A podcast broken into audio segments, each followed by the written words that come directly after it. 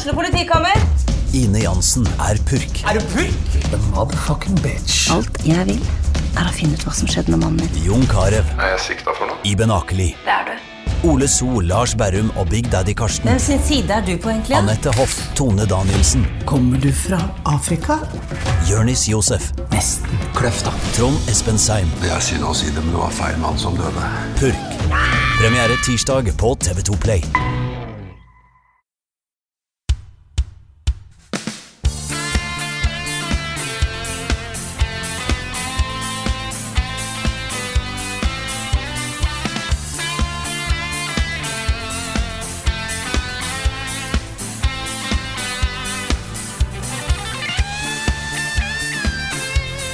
Ja, du hørte riktig. For bare 70 milliarder kroner kan du bli en eier av et trippel A konglomerat-studio-ting.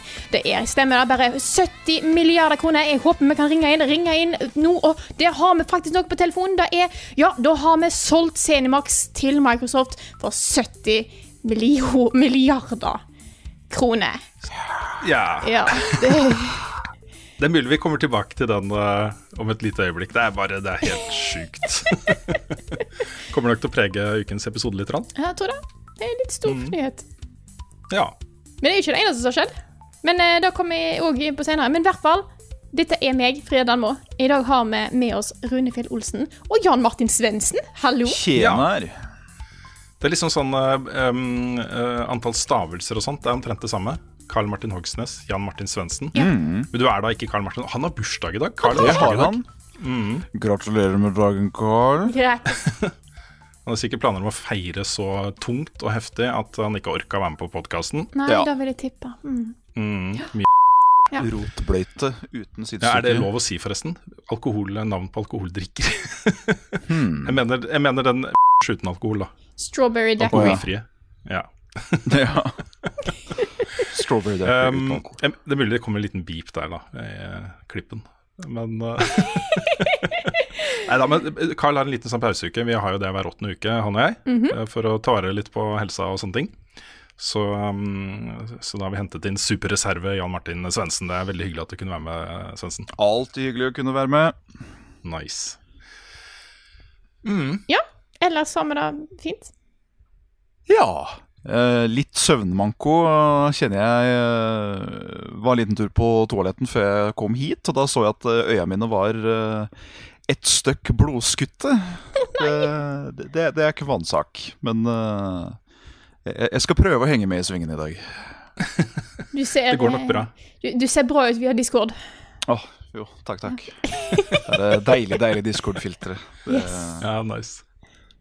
Og du, Rune? Ja, Nei, jeg, Det går egentlig bra, men jeg er eh, Vi hadde jo For et par uker siden så snakket vi om den der, eh, dokumentaren på Netflix, eh, 'Det sosiale dilemma', som handla mye om algoritmene til disse sosiale mediene vi bruker hver dag. Eh, nå har jeg oppdaga det, og så opplevd det på kroppen selv.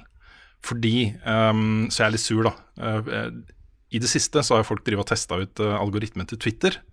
Fordi hvis det er mange personer på et bilde, hvis det er sånn kollasjer og sånne ting, så eh, var det en antakelse da, om at eh, det ikke var tilfeldig hvilket av de bildene som ble valgt ut til å vises i feeden til folk på Twitter. Så da har sett da eksempler ikke sant, hvor det har vært et bilde av en eh, fem, Det har vært fire bilder av hvite skuespillere, og så et bilde av en svart skuespiller. Og så er det da et bilde av den hvite skuespilleren som blir valgt som thumbnail da, på, på Twitter. Så det var masse sånne ting. Um, så jeg prøvde da å legge ut et bilde hvor det var uh, på toppen et uh, bilde av uh, Carl. Og så på bunn, og så var det hvitt mellom, da, og så på bunn et bilde av meg. Og så bytta jeg om med meg på toppen og Carl på bunn. Og la ut de to bildene på Twitter, og Twitter valgte Carl begge gangene. Altså. To bilder av Carl. Det er, uh, er litt provoserende, altså. Hva er det? Er det hår, eller er det alder? Hva er det, liksom? Det, Er Carl Ja. mer menneske? Nei, jeg vet ikke hvordan det er. ja, nei, jeg, jeg vet jo hvorfor, da. Eller i hvert fall så fant jeg litt ut etter hvert. Jeg tror de også prioriterer folk som smiler, foran folk som ikke gjør det. Ja, og Carl har det lille lure smilet sitt, ikke sant. Som får eh, eh, både kvinner og menn til å skjelve i underbuksene. Så det er nok derfor han ble valgt. Men um, ja. Det var et interessant eksperiment, da. Jeg syns det var Ja. gøy. Nå har jeg nesten lyst til å teste med liksom med hele redaksjonen finne ut hvem som Ja. er topp Twitter-person. Vet du, Det hadde vært litt interessant. Jeg har en mistanke da, om hvis vi hadde lagt et sånn kollasjbilde av alle i redaksjonen, uh, og plassert de på forskjellige steder, da, altså Stockholm Jeg har en mistanke om at det er du som hadde blitt valgt da, Frida. Du tror det? Ja, fordi du er kvinne. Det er sannsynligvis større sannsynlighet ikke sant? Kanskje større sannsynlighet da, for at uh, folk klikker på, på det, enn på sure menn, liksom. Kan være jeg kanskje har en fordel, I guess. Yes. Jeg, jeg vet ikke. Frida har nikk. Ja, Ja. kanskje. Men dette er jo et eksempel da, på hvordan, uh, hvordan disse algoritmene jobber i bakgrunnen hele tiden for å presentere eh, ting for oss. Mm. Og så hva er det, hvordan prioritere ja, Dette er superinteressant, altså. Vi skal ikke snakke om uh, dette her hele podkasten denne gangen, men, eh, men uh, spennende å følge med på, syns jeg. Robotene tar over. De gjør det, vet du. Og så må jeg også nevne at nå i løpet av sannsynligvis fredagen da, så kommer det litt info på Patrion-sidene våre om dette her. Men Carl og jeg var gjester på uh, et veldig spennende sånn uh, gameshow slash spill som pr produseres i Oslo. Det heter The Arcade Show. Eh, og det er et norsk selskap som, lager dette her, eh, med et svært green screen-studio med Markus eh, Bailey som programleder. Uh, og skikkelig heftig opplegg hvor det går da et spill gjennom hele uka. Og to ganger i uka så er det sånn studiosending hvor spillerne kan konkurrere mot gjestene i studio. Så Carl og jeg var med der uh, for litt siden, og på søndag så kommer det programmet som vi var med på. Søndag klokka ni på kvelden.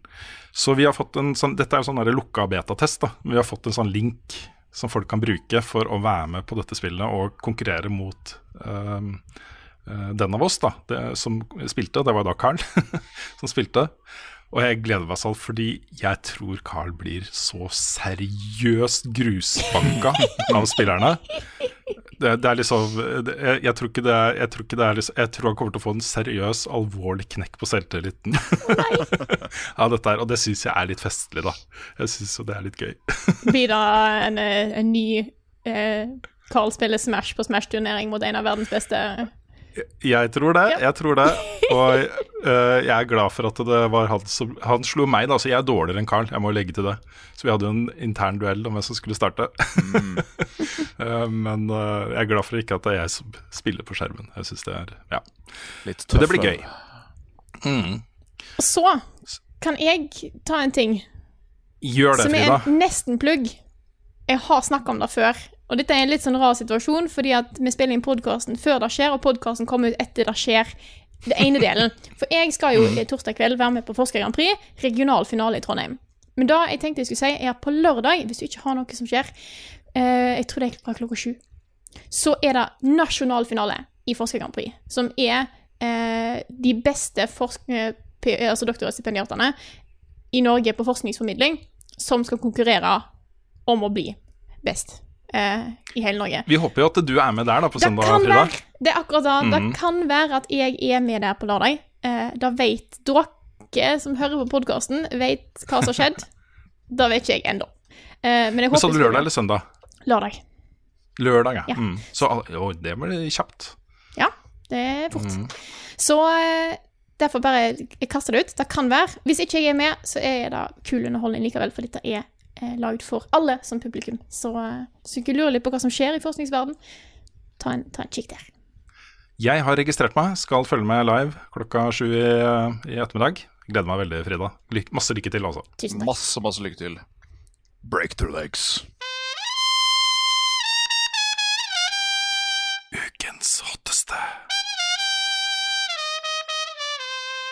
Ja, det kom jo litt som et sjokk da Microsoft bare kasta lommeboka si på Cinemax og sa bare sånn, vær så god. Alt, kjør på. Eh, Ja, ja, ja. det var jo ingen av oss som var forberedt på dette. Det var jo ikke noe rykte i forkant. Det var bare plutselig så hadde Microsoft kjøpt Cinemax. Og Cinemax er jo en ganske stor gruppe med utviklere. Ja. Ja, det kan man si. Du har, eh, har du i lista? Ja, jeg har det. Også eh, Salgssummen er jo da 7,5 milliarder dollar. Det er eh, eh, ca. 70 milliarder norske kroner. Eh, Lommerusk. jeg vil starte med å si at det, det er jo en sånn helt absurd sum. Det er på en måte den største underholdningsoppkjøp. Et av de største underholdningsoppkjøpene, uansett sjanger, noensinne. det, er bare, det er bare en milliard mindre enn det samla oppkjøpet som uh, Disney gjorde av Marvel og Star Wars og alt dette her, liksom. Oh. Så det er, mye, det er mye penger. Men det er en litt sånn interessant tankeøvelse her, fordi jeg sjekka, da. Og øhm, for ja, det- bare noen få år siden så ble det estimert at, øh, at øhm, øh, Bethesda har tjent 1,4 milliarder dollar bare på Skyrim. Ja. Og du skal ikke ha så mange Skyrim før du er oppe i 7,5 milliarder dollar. Så altså, vi, vi snakker ganske store summer, men det er også ganske store summer i omløp her. Så, um, så Det blir nok ikke et tapsprosjekt for Microsoft, det er vel egentlig det du sier. Nei, det er det jeg ikke tror. Men jeg kan gå litt gjennom de studioene det gjelder. Fordi Zenimax er jo en sånn derre ja, hvem er Zenimax? Eh, med mindre du spiller Elder Scrolls Online, så er det kanskje et navn du ikke har hørt så ofte. Um, men eh, det inkluderer da Zenimax Online Studios, som eh, lager og utgir eh, Elder Scrolls Online. Uh, Rosinepølsa der er jo Betesta Game Studios, som har da Elder Scrolls og Fallout, og som også jobber med Starfield. Todd Howard and the crew. Mhm. Eh, du har også Bethesda Softworks, som er en publisher. De gir ut masse forskjellige greier. Eh, du har id Software, eh, selskapet bak Doom og Rage. Du har Arcane, som har da Dishonored og det kommende Deathloop. Du har Machine Games med Wolfenstein. Du har Tango Gameworks, som har da The Evil Within og Ghostwire Tokyo. Du har et lite studio som heter Alphadog, som lager mobilspill, som jeg ikke har hørt om før. Og så har du et helt nytt studio som ikke har gitt ut noen spill ennå, som heter Roundhouse Studio. Men det er jo da eh, satt sammen av tidligere Human Head Studio-folk, som da bl.a. står bak Prey og Rune 2, før det ble lagt ned. Eh, og Så snappa da Bethesda opp hele gjengen og lagde et nytt studio. Hva de jobber med, det er det ingen som vet helt ennå, tror jeg.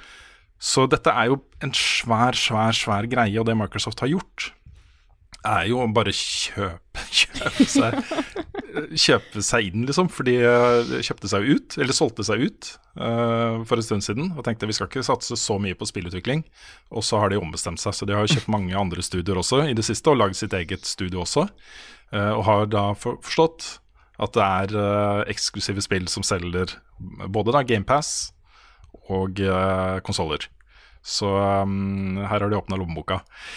Jeg tenkte vi kunne starte med å bare ta noen spørsmål, fordi det er mye av de samme tingene som går igjen. Ja. Uh, så får vi litt sånn input fra uh, eh, folkedypet også. Yes. Uh, vi har et spørsmål her fra Tor Håvard Skei, som spør hva synes dere om at Microsoft har kjøpt Bethesda?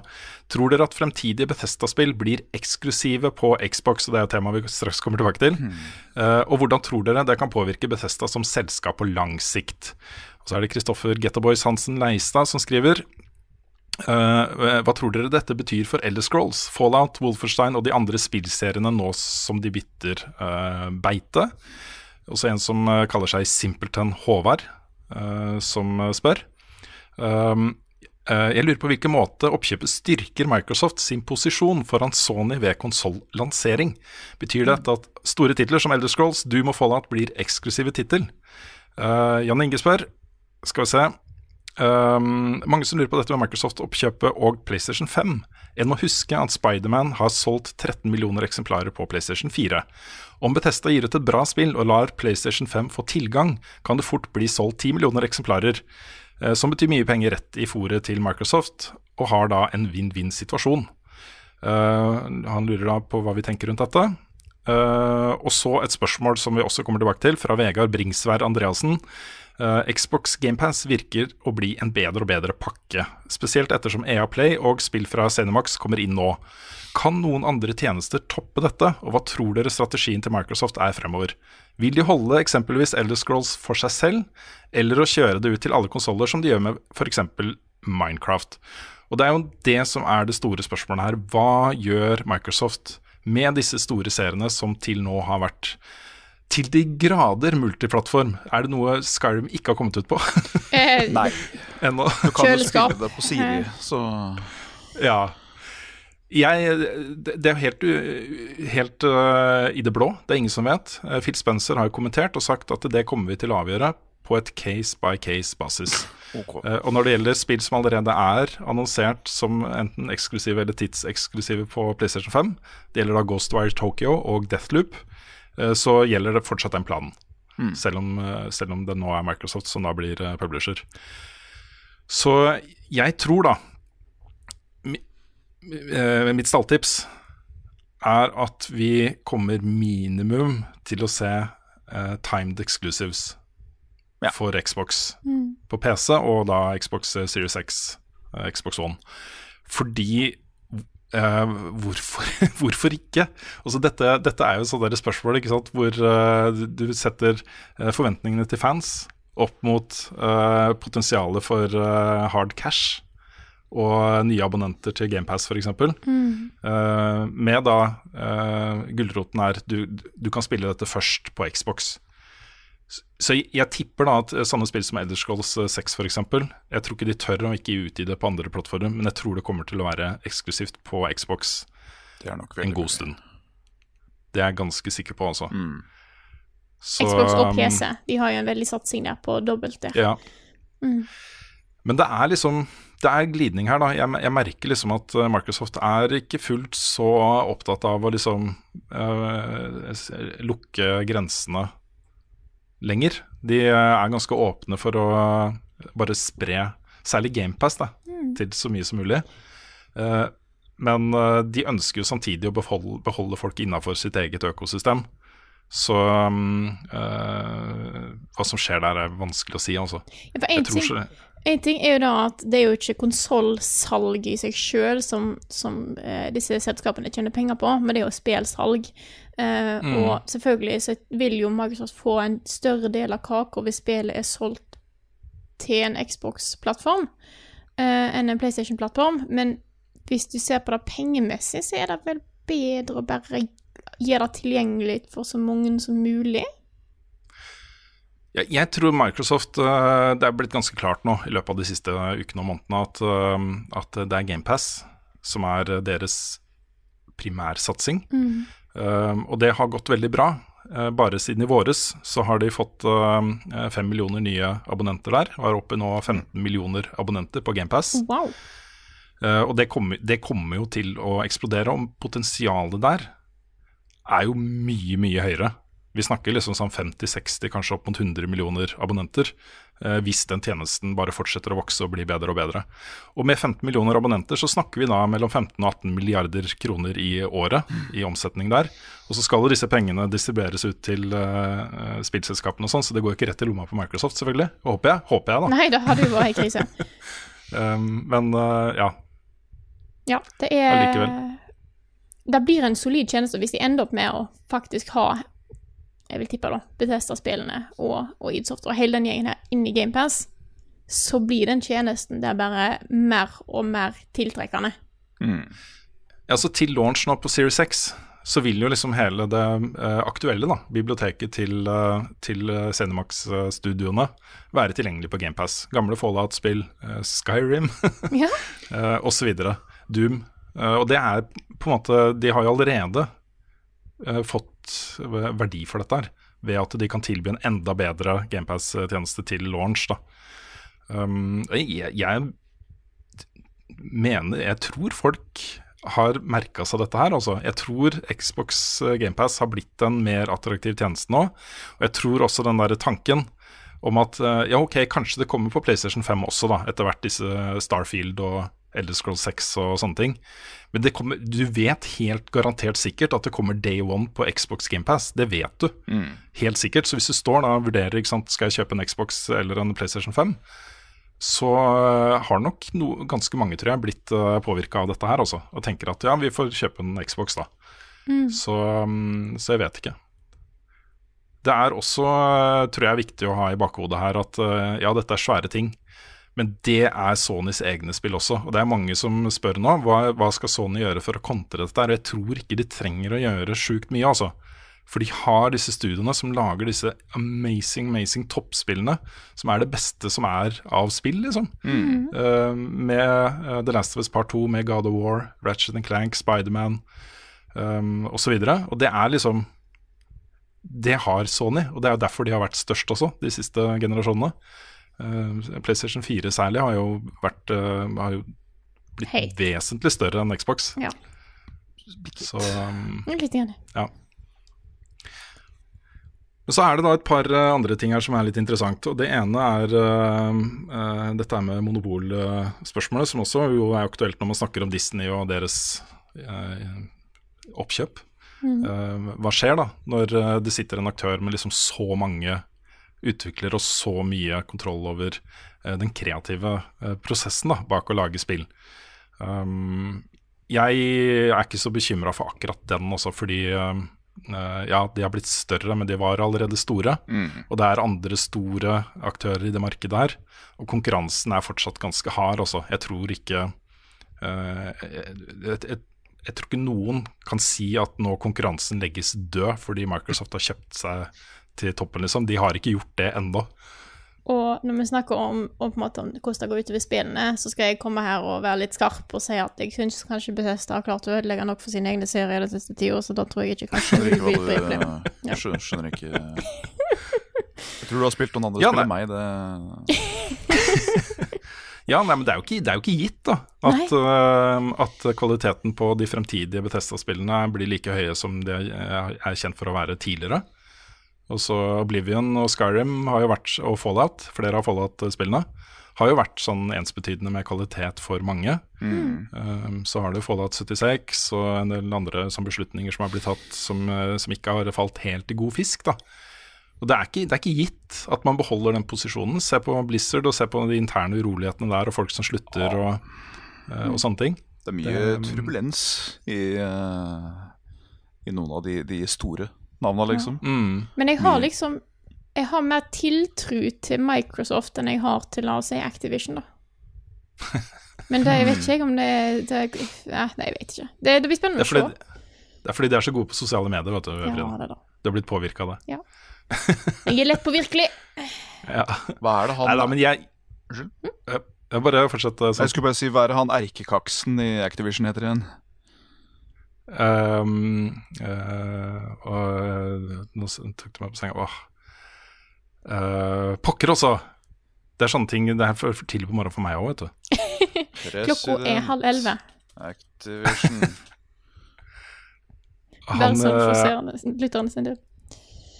Uh, jeg, Bobby et eller annet, er det ikke det? Ja, Bobby Kotick. Ja, stemmer. Ja. Som tjener 10 000 milliarder kroner i året ja. på bonuser og ja. Ja, det, tallet er litt lavere, men det er, det er for høyt. Ja. Er for høyt. litt, litt, litt, svinsk. Ja. Det må vi si. Nei da, men jeg ser liksom klare signaler fra Microsoft om at uh, de, de uh, er opptatt av kvalitet på uh, det de lager nå. Mm. og um, der er jeg ikke stressa, altså. Jeg tror vi jeg, jeg, tror egentlig bare at de nå virkelig ønsker å tilby topp, topp, topp spill til sine kunder uh, i årene framover. At det er det som er motivasjonen. Mm. Uh, selvfølgelig fordi det er det de ser de vil tjene penger på på sikt, da, ved å tilby de beste spillene. ikke sant? Så der er det fortsatt konkurranse også. Ja. Det er ganske kul flex, da. Må si det. Du bare bitchlapper noen med 70 millioner 70 milliarder, mener jeg, med lommeboka. Ja. De, de, har jo masse penger på bok fortsatt, og det går jo nå rykter om flere oppkjøp. Eh, det er bare noen uker siden det ble kjent at eh, det har vært samtaler mellom eh, Microsoft og Bungie om et oppkjøp. Det var på et veldig tidlig stadium, visstnok, og blir ikke noe av. Oh, I hvert fall ikke foreløpig. Men uh, nå er det jo da um, uh, toner fra Microsoft som antyder at uh, de er interesserte i japanske rollespill. At de har et hull der som de har lyst til å tette. Um, og da ble det jo spekulert, for det Tokyo Gameshow starter jo eh, denne uka her, og Microsoft skal ha en keynote. Da måtte de da gå ut og si det blir ikke snakk om noen nye oppkjøp. okay. Derfor ryktet var jo at de er, er, i ferd med å kjøpe opp Sega. da. Å, fy fader. Um, ja. Uh, pluss uh, at det er en del andre serier, som Drake and Guard og sånne ting, som uh, er modent for en makeover. Så um, uh, vi, det er ikke det siste oppkjøpet fra Microsoft vi har sett dette her også. Det kommer til å komme flere, garantert. Og så syns jeg det er da litt interessant å nevne til slutt uh, her at Dette blir jo litt tilbake til ting vi snakket om i forrige uke. Men på Amazon nå så er det en konsoll som har rast oppover uh, topplistene. 750% økning i salg.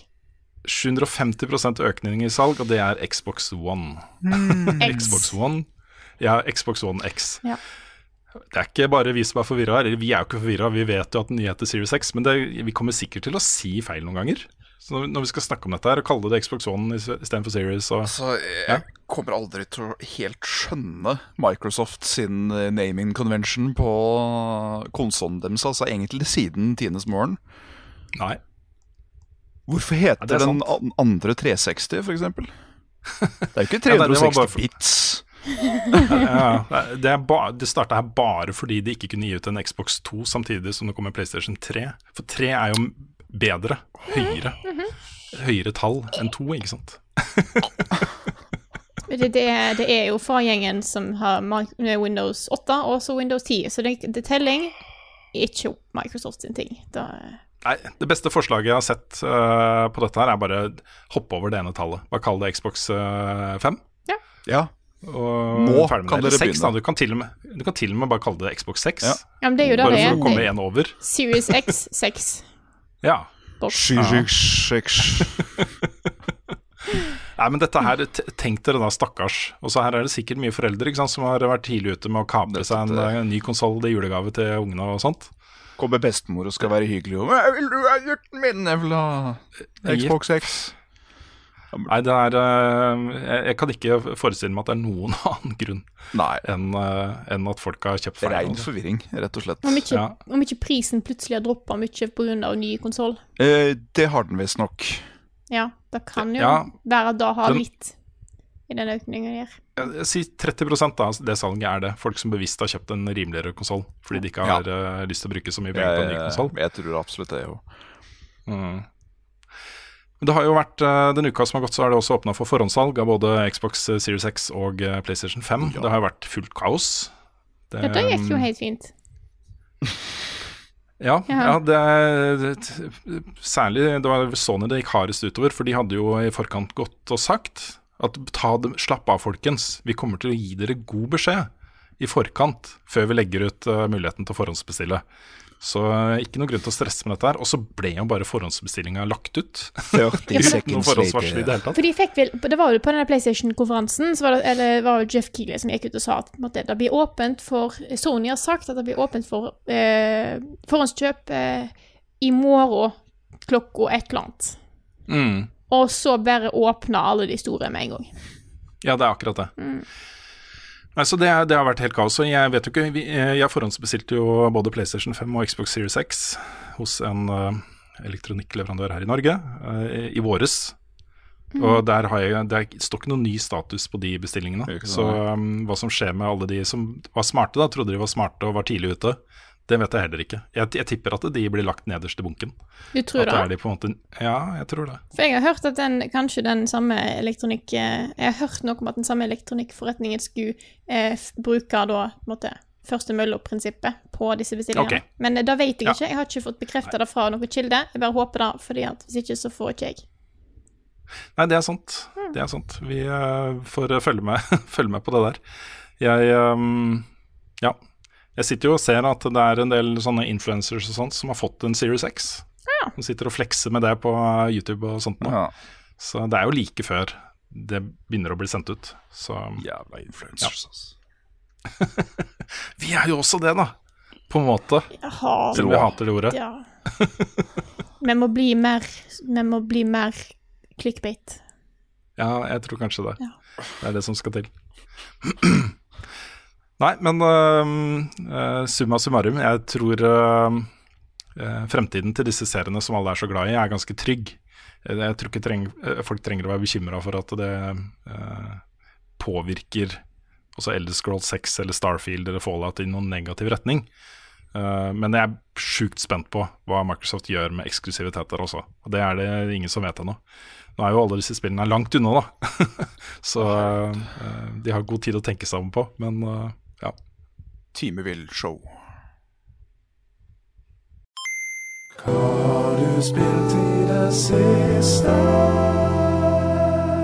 Jeg har litt lyst til å begynne i dag.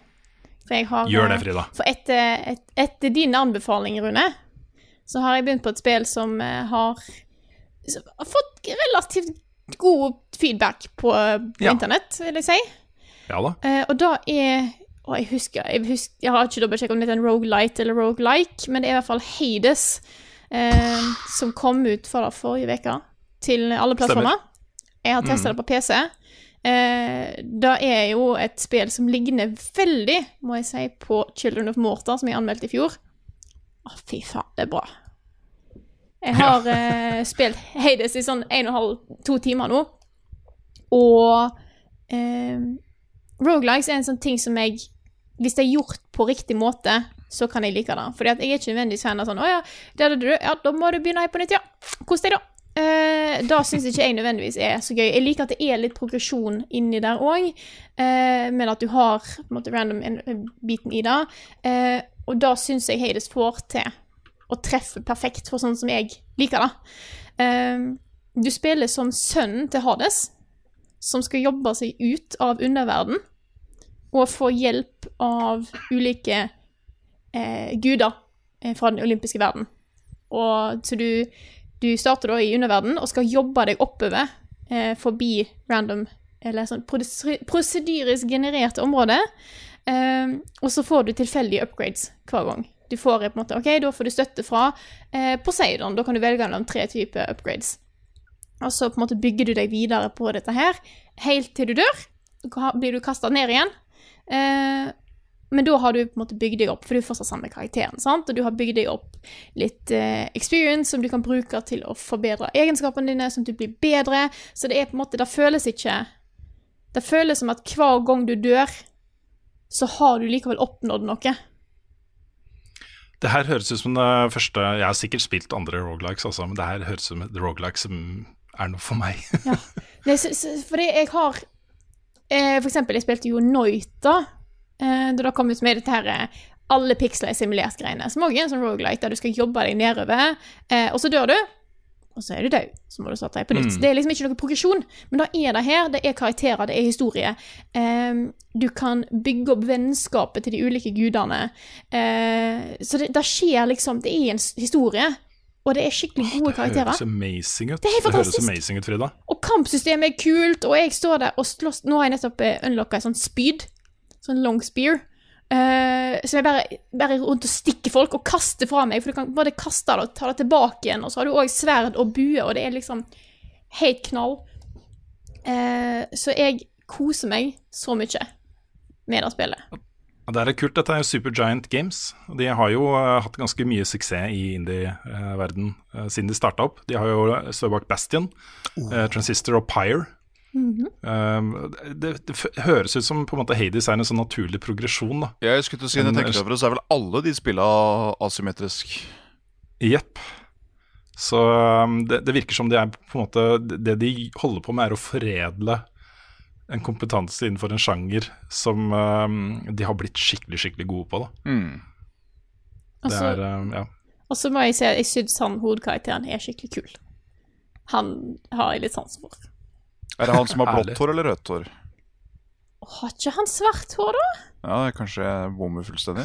Eh, Det var ingen av delene, det. Jeg må google litt her, men eh, jeg vet at eh, Jeg vet ikke om nå nå, har, nå er det litt støff som skjer eh, i livet mitt, så jeg vet ikke om jeg rekker å få anmeldt det. Men jeg, det hadde vært gøy å få det til. Eh, men jeg kan ikke love noe. Her er han. Se på han, da. Det var, det var den, eh, eh, det var den sånn kransen jeg tenkte på. Ja, han har Ja. en rød krans, så det er Men eh, kult spill. Jeg har digger det så langt. Jeg har kommet meg forbi Jeg har kommet meg til neste område og dødd ganske kraftig der. Men jeg har liksom kommet meg forbi første nivå. Jeg har slåss mot en furie. Eh, tok, tok livet av henne til slutt, så det var fint. Så da har jeg på en måte progressa litt. Eh, Mm. og på en måte sett at ja, det skjer. Takk, tusen takk. Og sett at liksom, du, du, det er ikke sånn at du er nødt til å på en måte bare jobbe deg gjennom det første og på en måte håpe du kommer helt til slutt. Så det er en progresjon der. Mm. Eh, så det er, det er litt kult. Eh, det er kom, Jeg kommer definitivt til å spille det mer når jeg har, eh, når jeg har ledig tid. Uh, og skal, jeg må si, for at et spill skal nå kunne dra meg vekk fra å bare kose meg med Super Mario Galaxy, som jeg gjorde før, det skal litt til. Ja. Så det er, det er veldig uh, Mitt seal of uh, approval så langt. Mm. de første timene. Men det har du jo også spilt, Frida. Vi, Forrige uke så hadde vi jo ikke snakka om det. Nei. Nå har du spilt det, hva syns du? Åh, jeg har jo ikke, Nå kan jeg kun snakke om Super Mario Galaxy, for jeg har faktisk ikke hatt tid til å sette meg ned med 64 og Sunshine, fordi jeg har ikke lyst å spille noe annet enn Galaxy. For da ser Nei. alt så jæklig bra ut! Det er, har, det er sånn som jeg har snakka om før. Super Mario Galaxy er et fantastisk spill. Og det som på en måte har gjort at når du spiller, så, så virker det eldre, er fordi at det har vært la, mye lavere oppløsning. Uh, det er jo ikke Har jo ikke vært i HD. Så jeg har sagt trenger ikke å fikse det, du trenger bare putte det på, i 1080, kjør på. That, that's it. Og det er jo det de har gjort, og det bare funker så jæklig bra. Og, Og, tre, og opp fra 30 til 60 FPS. ja, hvis, ja, Uh, ja. Vi diskuterte om, om, om Wien kjørte i 60, men det tror jeg ikke han gjorde. Uh, usikker. Dette er noen som vet bedre enn meg. Men i hvert fall, full HD, 60 FPS. Fy fader, det ser bra ut. Og jeg var redd for at, de kom til at kontrollsystemet kom til å bli litt kronglete, fordi på Galaxy så har du jo eh, Jeg spilte jo med WeMote og Nunchuck. Og så skal du liksom styre med WeMoten for å få tak i disse starbitsa som er litt rundt omkring, og så kan du svinge på den for å et, få et litt sånn spinn. Eh, på Switch så er jeg veldig glad i å bruke pro-kontrolleren, så jeg begynte med det på streamen vi hadde på fredag. Og tenkte ja, OK, ta og teste dette her, da. Eh, sitter der med pro-kontrolleren og bare eh, farter rundt. Men det var litt rart, da, fordi at du måtte liksom styre med gyroen på kontrolleren for de starbitsa, og så måtte du trykke på en knapp for å spinne. Og så var det noen som sa i chatten 'bruk joycon så'. Og da føles som å spille på, på Wii.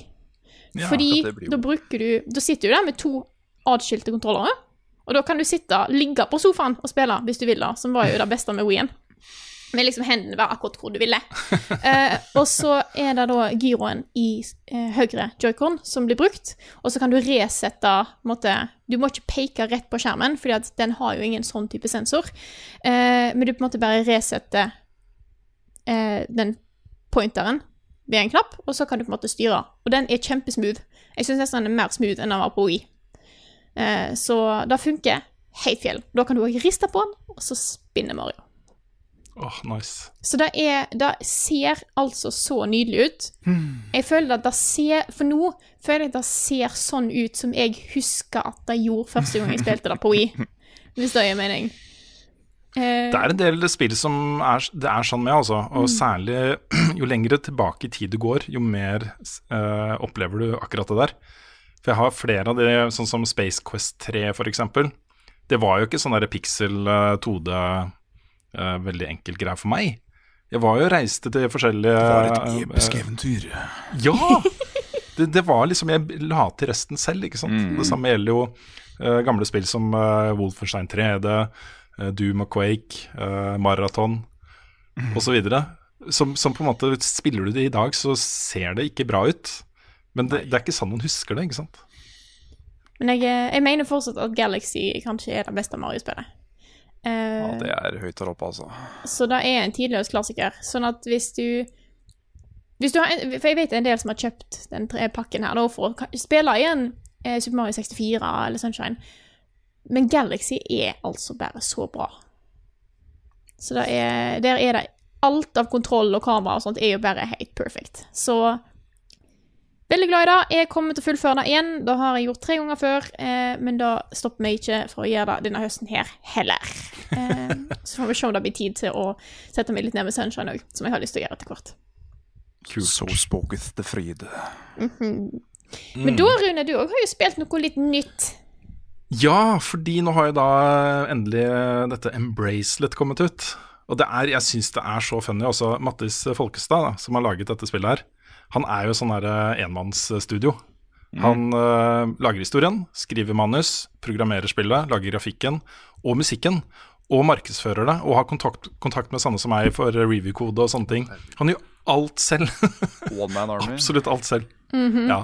Til eh, forskjell da fra det forrige spillet hans, 'Milkmade of the Milky Way', så har han nå eh, permisjon fra jobben for å eh, lage en bracelet. Så mm, eh, han har kunnet gjøre det på heltid nå eh, siste året, tror jeg. Um, og det er, vet du hva, En er altså et så nydelig spill, uh, hvor um, uh, konseptet er da at um, eh, du spiller en 17 år gammel gutt som eh, bor i storbyen.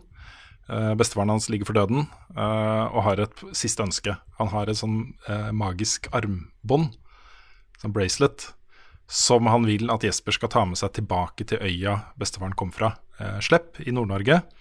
Fordi det er et eller annet knytta til av det armbåndet og de magiske kreftene til det armbåndet som er sånn unfinished business for bestefaren. Så du skal på en måte oppfylle det. Litt sånn som i God of War. ikke sant? Ta med asken fra eh, moren til Atreas til det høyeste fjellet. Det er litt den type tingen der, da. Um, Ikke fullt så voldelig, kanskje? ikke fullt så voldelig. uh, men det er, han kommer da til øya, og dette er på en måte et slags sånn kjærlighetsbrev til Nord-Norge. Fordi det er jo midnattssol, og det er nordlys, og det er den nordnorske lune humoren. Eh, det er en øy som er prega av fraflytting. Eh, Rundt øya så er det sånn oljeselskap som driver og leiter etter eh, olje og sånne ting. Så det er veldig sånn norsk hverdagsrealisme iblanda sånn nordnorsk, veldig så sterkt nordnorsk preg. da. Og det, det føles så digg å spille et sånt spill, for det finnes jo ingen sånne spill. Det, det er dette spillet her, liksom, som har på en måte akkurat den tematikken og den uh, stemningen og uh, disse rollefigurene og denne dialekta og alt dette her, liksom. Uh, og så er det i tillegg veldig, veldig bra.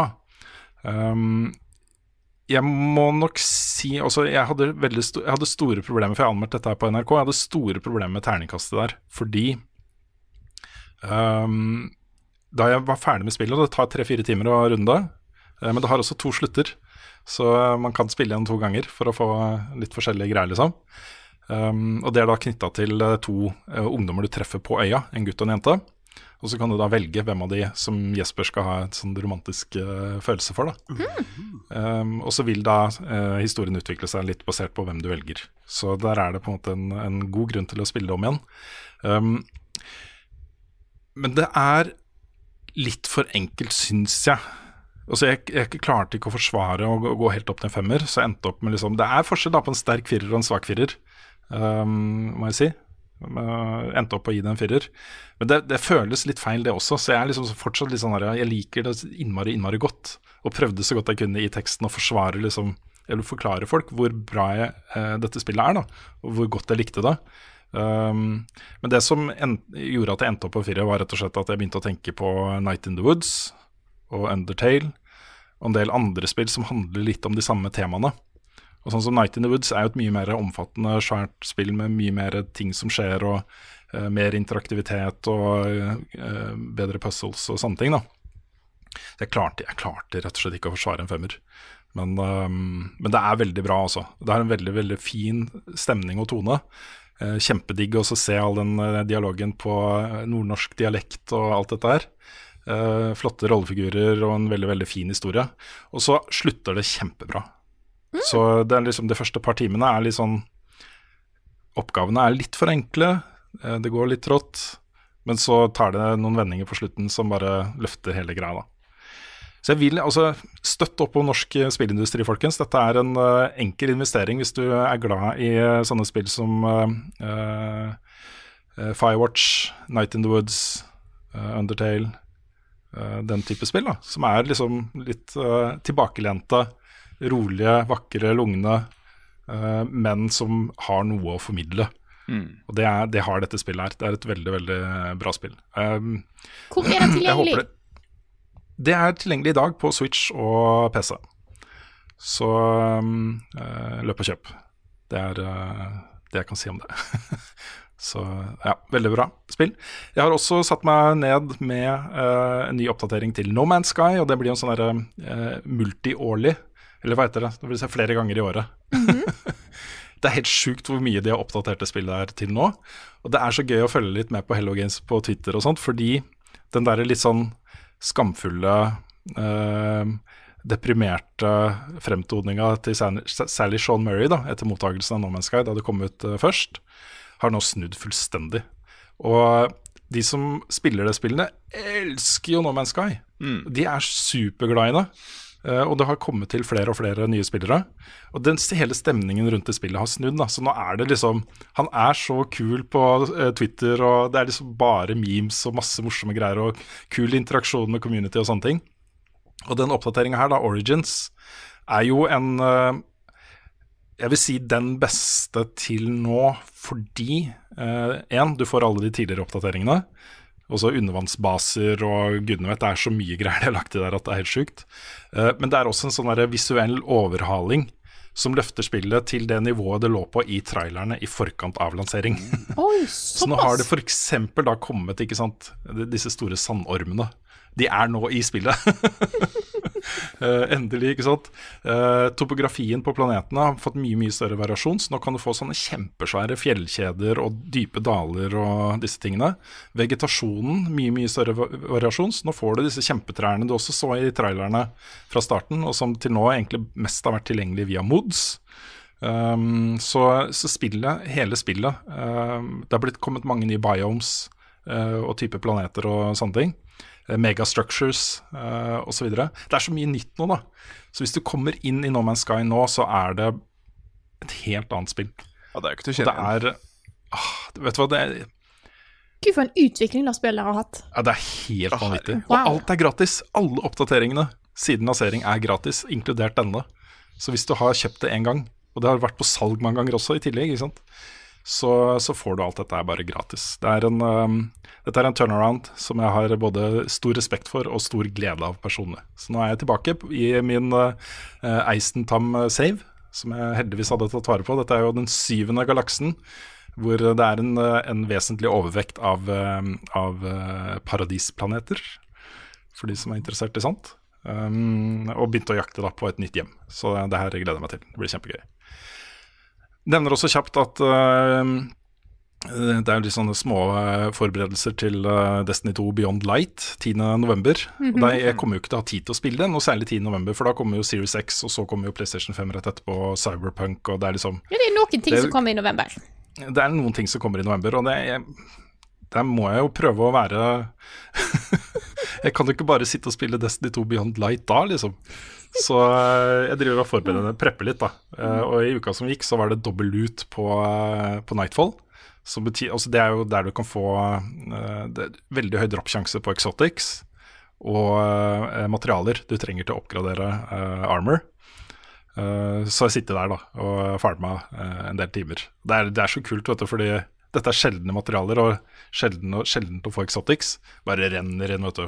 Eh, doble Noen ganger så fikk jeg liksom dobbelt opp av alt, da, så bare rant inn. Jeg har aldri vært så rik i Destiny som jeg er nå, og det føles ganske digg. Har du nok til å kjøpe Cinemax? Er du så rik? Ja, eh, nesten. Ok. Nesten. Ja. I Destiny er det Rune som bitch-slapper med Wallaten. Ja, nei, men det er, liksom, det er så dyrt å kjøpe disse materialene, for du kan jo kjøpe de, men da blakker du deg for alt du har av andre materialer for å ta tak disse der. Og du trenger f.eks. tre sånne sentence shards da, for å makse ut et uh, exotic armor. Og det er uh, uh, svindyrt å kjøpe for andre materialer. Så jeg bare rant inn. Nå har jeg liksom skal vi si, 10, 20, 30, 40, ja, ca. 45. Da. Maks er 50. 10, 20, 30, maks er 60. Ja. For du kan ha 10, 10 eh, Vent da, 10 Maks er 40. 10, 20, 30, 40. Maks er 40. Jeg har sånn rundt 35, og det er liksom Jeg har aldri hatt så mange. så Nok å leke med. yay me. Mm. Men det er meg. Ja. Tore Svendsen? Ja, jeg, eh, jeg finnes jo ikke oppdatert på liksom hva som er eh, current når det gjelder spill. Eh, men jeg har eh, hatt en sånn skikkelig dypdykk i eh, Steam-lista mi. Eller først gikk jeg innom min GOG, min Good Old Games. Og kikka gjennom der, for der veit jeg at jeg både har Witcher 3 og Neverwinter Nights. Og så plutselig, eh, under dette sommersalget som var nå, så kom det plutselig ah, Diamond Edition of the Winter Nights nå på Steam. Og ja, hvor mye koster det? 50 kroner? og sier det? så da installerte jeg det, og begynte vel ikke å spille det før i starten av denne uka her. Men åh, det er så vanskelig å legge fra seg. Å, herregud. Men her, Neverwinter Nights var vel et, et sånn type spill hvor eh, manges kjærlighet for disse store vestlige rollespillene starta, ikke sant? Absolutt. Um, det er jo en sånn underkategori verden-law-type ting av Dungeons and Dragons. Um, og dette er jo, dette er jo tidlig BioWare. Um, Og her får du, hvis du ikke klarer å få tak i power fantasyen din her, da, da veit jeg ikke hva slags spill du er egentlig på utkikk etter. Her Nei. eh, Rase, class, kombinasjon. Du kan jo, eh, du kan jo levele to levels som en bard, f.eks., og så kan du levele ett level som en mage etterpå. Så er du en musikalsk multiclassing. mage. Hæ? Litt multiclassing. Litt multiclassing. Det høres ut som DND-karakteren jeg har. Det er en level 4 sorcerers, le- eh, sorcerer, level 1 bard. Ja. Ja. Min er, en, eh, min er en level 5 barbar, level 1 bard og level 10 red dragon disciple. Ja. Det høres jo så awesome ut, Ja, uh, det er kjempegøy, og det er veldig moro, fordi det er um, Det bridger veldig mange gapper av type fantasy sjøl i det der veldig pen and paper-ish. For du, du har ikke bare orker og drager, du har også zombier. Du har også kjempe-high-tech eh, machinery som skyter lasers, liksom. Det er veldig Wow. du, du, fin, du finner det du vil ha. Det gjør du. Mm. Um, det eneste er jo at det er et sånt Siden det er så mye frihet, så er det også ekstremt punishing om du fucker opp. For du kan ødelegge karakteren din ganske fort med å bare levele litt sånn hulter til bulter, da. Og bare Ja, det er, det er sikkert fint. Sikkert fint. Har du ikke noe plan eller ikke har noe guide å gå etter, eller noe sånt der, så øh, kan det fort bli stygt. Og Ja. um, husker fortsatt min første playthrough når jeg kjørte en rein barbarian, og det bare mm, mm, mm, mm. Kom til midtpunkt i spillet, og da hadde jeg ikke nok penger til å kjøpe potions fordi jeg døde hele tida. Og jeg slo jo like hardt som en våt sild, så det var liksom mm, hva, hva skal jeg gjøre her?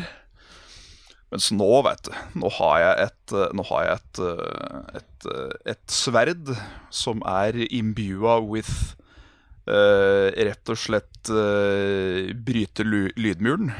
Så hver gang jeg slår til noen, så er det et sonic boom. Uh, og jeg har funnet noen boots som gjør at jeg har x antall potions som har sånn over ti-effekt bare hele tiden. Så jeg Oi. kan nesten ikke bli skada av ting som er i mili. Og jeg er for rask til fots til at en mage klarer å skyte av en spill. For da er jeg rett opp i trynet på den og begynner å Så det um, Jeg tror jeg er på siste chapter nå. Jeg husker ikke, det er så lenge siden jeg har uh, runda det sånn 100% men uh, åh Gud bedre, og jeg elsker det spillet. Det høres kjempegøy ut. Denne er jo kjempebra. Ukens anbefaling.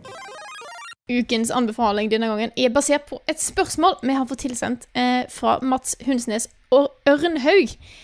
Han skriver Dette virker kanskje ikke som et genuint spørsmål, men jeg har lurt lenge, og lurer fortsatt. Hva musikk hører dere på om dagen? Typ band, artister, soundtrack som dere har på hjernen for tida. Så hva er det vi hører på akkurat nå? Ikke akkurat nå, for nå spiller jeg en podkast, men du skjønner hva jeg mener. Ja, snakk for deg sjøl, ass. Nei, jeg, jeg fikk jo um, Jeg har hatt veldig sånne gode musikkuker og måneder nå. Fordi eh, jeg fikk av kona mi et sånt uh, uh, Bluetooth-headset mm. til bursdagen min. Og det har jeg ønska meg kjempelenge. Fordi det headsetet Jeg hadde et uh, OK headset, uh, men med kabel. Og den uh, iPhonen min begynner å bli litt sånn sliten på kontaktene, så den drev og skippa liksom midt i låtene og sånne ting. Og det blir jeg så irritert over, så jeg, det, da hørte jeg ikke på musikk på lenge. Nei, det er grust. For da, ja, det er helt forferdelig. Fordi det, du mister liksom altså, ja, det, Du er inne i en eh, musikalsk verden, og så bare Så er du Nei, det, det klarte jeg ikke. Så jeg har hørt masse på musikk. Um, akkurat nå er jeg inne i sånn pophjørne, da. Eh, For jeg går gjerne litt i bølger. Eh, Jeg kompenserer ved å høre en del på Gojira innimellom. Men de tingene jeg hører mest på nå, er eh, Jeg har på en måte gjenoppdaga litt røyksopp. Fordi jeg har jo hørt alle albumene deres til døde. Men jeg fant ut at de har jo gitt ut uh, veldig mye som jeg bare sporadisk har fått med meg, uh, via noe de kaller The Lost Tapes. som er demoer og hele låter og alt mulig rart som de bare har gitt ut mellom albumutgivelser. da. Hvor du bl.a. har en helt fantastisk Lars Vaular- Vaular-låt som heter To minutter. Masse andre greier da, som er kjempebra. Og så krydder jeg deg lagd min egen spilleliste med det beste fra Røyksopp. Det er sjukt mange låter. Det er liksom tre timer med musikk eh, som jeg hører mye på. Det er, det er så mye bra, altså. Så det hører jeg på. Og så um, um, hører jeg faktisk på det, Jeg syns det er litt flaut å si det, men ikke pga. artisten, men pga. hvem hun er uh, kjæreste med. Men jeg hører mye på Grimes om dagen, nye albumet hennes, som heter Miss Anthropocene. Som er kjempebra. Det er jo sånn elektronika-pop som, um, som er litt sånn spesielt og uh, annerledes. Jeg hører også på en uh, Det er jo veldig over i popland, da. Men uh, en artist som heter Charlie XCX. Som har gitt ut en, et koronaalbum. Spilt inn i koronakarantene. Uh, hjemme hos seg selv, liksom. Som heter How I'm Feeling Now. Det er et album som både tar veldig pulsen på uh, følelser som mange sitter med om dagen, men som også er veldig sånn catchy. da, Catchy pop. Uh, og så hører jeg på uh, det nye soloalbumet til Jarvis Cocker, 'Beyond the Pale'. Han er jo en stor helt for meg. Jeg er veldig glad i pulp. Og han er jo en av verdens kuleste menn. Så eh, det er en sånn, han er evig ung, altså. Er Det er, er det er ikke flaut i det hele tatt å se han holde på som han gjorde på starten av 2000-tallet. Um, og så har jeg oppdaga, veldig sent, da, men en EP fra norsk artist som heter Tone Bringsdal som heter eh, EP-en heter Prologue. Um, den kom i fjor. Fire helt fantastisk nydelige låter i litt sånn derre uh, country western uh, folk-stil. men over i litt mer den litt sånn edgy siden av det. Så um, det er ikke, det er ikke um, det er ikke country sånn som man eh, tenker på når man hører på det, liksom, men det er uh, indie, indie country, da. Også veldig, veldig, veldig bra. Det Så det er stort sett det det går i om dagen. Du, Svesen, Svendsen, hva er det du hører på?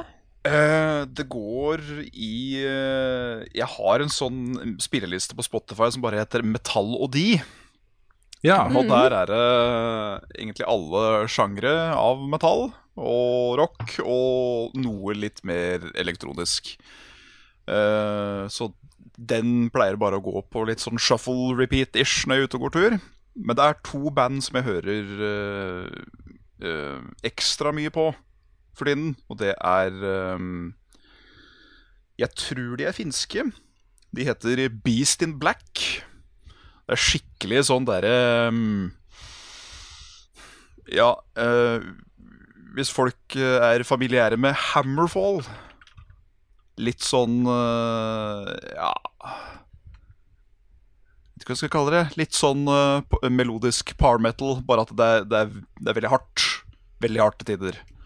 Uh, og, og den mannen uh, husker ikke hva han heter for noe, men vokalisten i det bandet Fy fader, han kan synge. Han, eh, han, eh, han, han kan synge som en dame, og han kan uh, synge som uh, Mest harde ACDC-låtene. Ikke noe problem. Hva var det du sa bandet heter? Beast in Black. Beast jeg sitter og ser på dem på Spotify her nå. Ja. Dette skal jeg definitivt sjekke ut. Da vil jeg sjekke ut da den andre skiva som de har uh, gitt ut. Uh, Ja, den som Den heter da From Hell With Love. From Hell With Love, ja. For det er gitt ut to skiver. Ja. De er ganske nye i gamet. Og den eh, Den eh, første sangen på, på skive nummer eh, to Da får du, får du god feeling av hva slags type band dette er. Siden Cry om Out For A Hero. Yes! Jeg var inne på Wikipedia-sida deres bare for å se eh, om jeg kjente igjen navnet på vokalisten. De er finske, Ja. det er det beste navnet jeg har sett i mitt liv. Han heter Jannis Papadopoulos. Papadopoulos. Nei, Jannis Papadopoulos, vet du.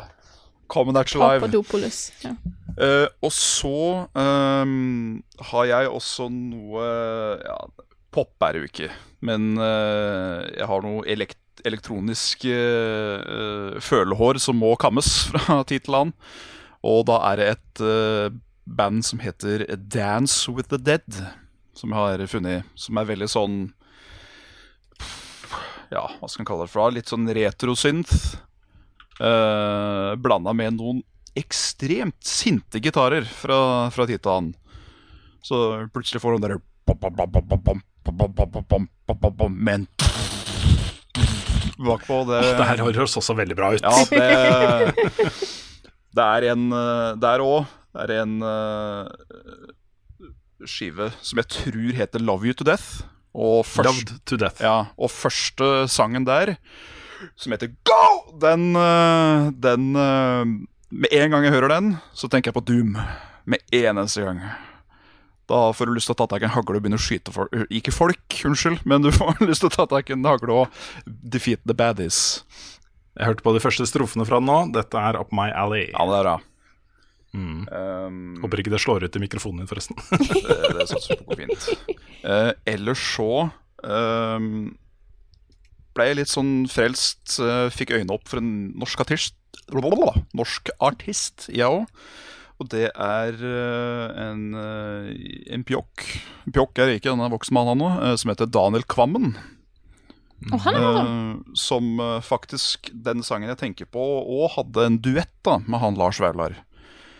Eh, og jeg husker ikke helt ordrett hva sangen heter, men det er noe sånn 'Som om himmelen ramla ned', eller noe sånt. Mm. Uh, nydelig, nydelig låt. Den, den, er, den er chill out og mellow, så det holder. Kult. Nå har jeg utvida mitt eh, musikkrepertoar også. Veldig stilig. Sharing is caring. jeg er usikker på om di- dine tips øh, går inn på spillelista, Frida. Ja, jeg vet at det er noen ting du av og til sjekker ut, men jeg vet ikke helt om, det, eh, om dette fortsatt er en eh, down your alley. Men jeg kom til å snakke om det likevel. Jeg har jo ei spilleliste jeg kontinuerlig fyller på med nye spill-soundtrack. Og jeg ser nå at den lista nå er på 645 sanger. Oi, Eh, så den driver bare og blir større og større. Juicy. Og denne her er på en måte Den bare blir bygd opp av sjukt mye. Det er Kan jeg sånn, bare stikke inn en kjapp ting mens jeg bare husker det? Kan jeg bare stikke inn en kjapp ting mens jeg husker det? Ja. Eh, tilbake til når du nevnte Galaxy i stad. Også kanskje det beste Mario-soundtracket som uh, fins. Ja, fy fader. For da, da skal jeg si at jeg har hørt mye på Super Mario Galaxy-musikk eh, i det siste. Eh, og da er jeg jo selvfølgelig på den lista her. Ja.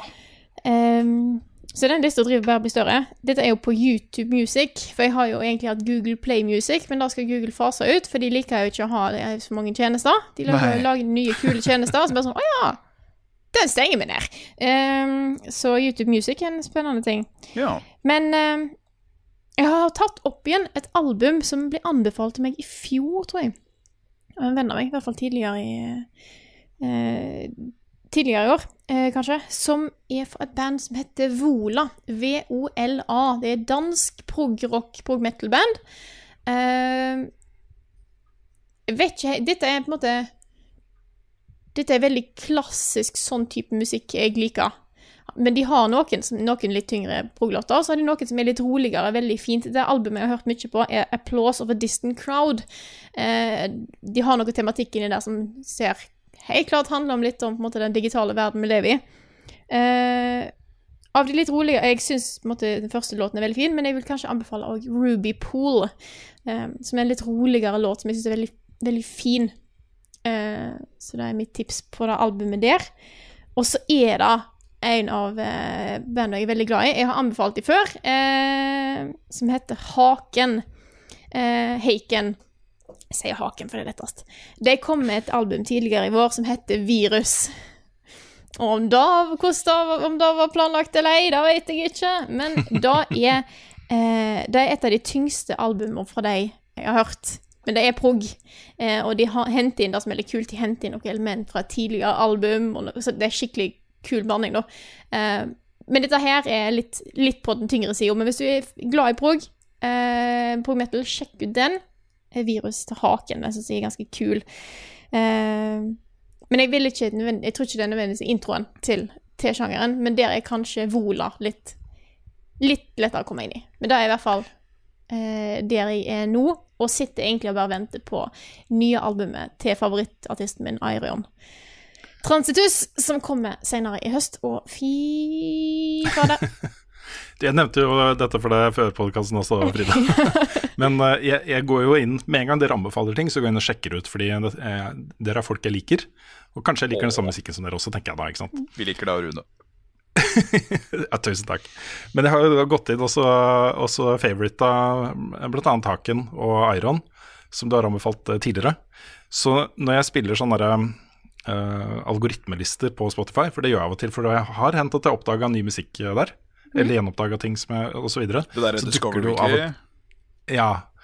Av og til så dukker det opp da låter fra Iron og Haken, og hver gang de kommer opp, så tenker jeg hva i helvete er dette her for noe? Hvorfor anbefaler Spotify dette for meg? så det er litt sånn uh, Jeg er ikke helt på det progrock-greiene. nå.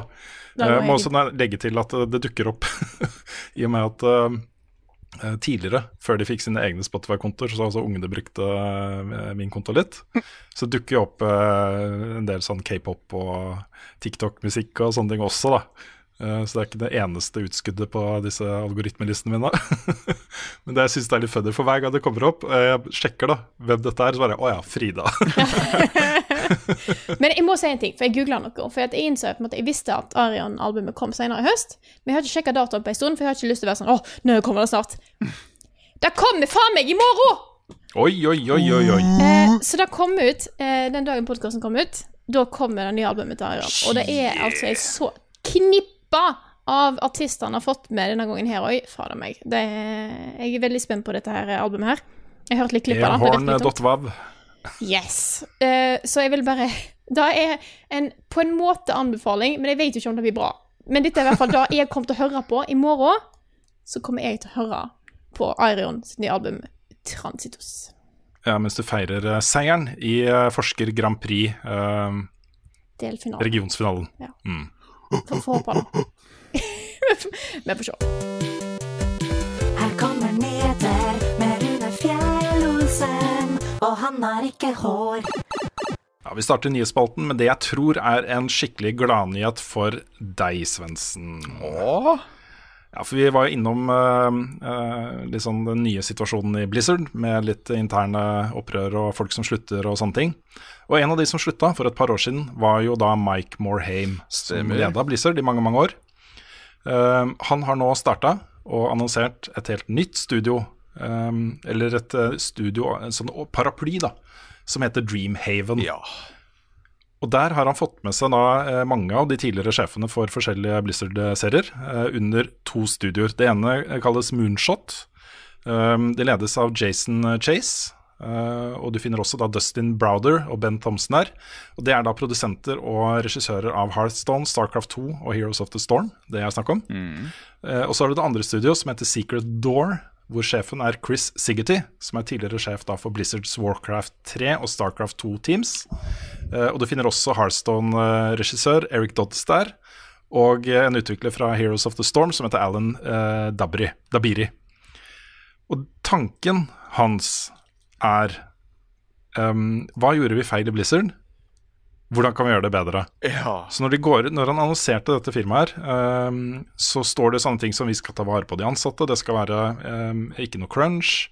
eh, De skal ha gode betingelser. Vi skal lage ting vi er eh, brennende opptatt av. Og prosjekter som er styrt av hjertet, ikke av uh, maks mulig salg. Og så det var alle disse tingene da, som, uh, uh, som på en måte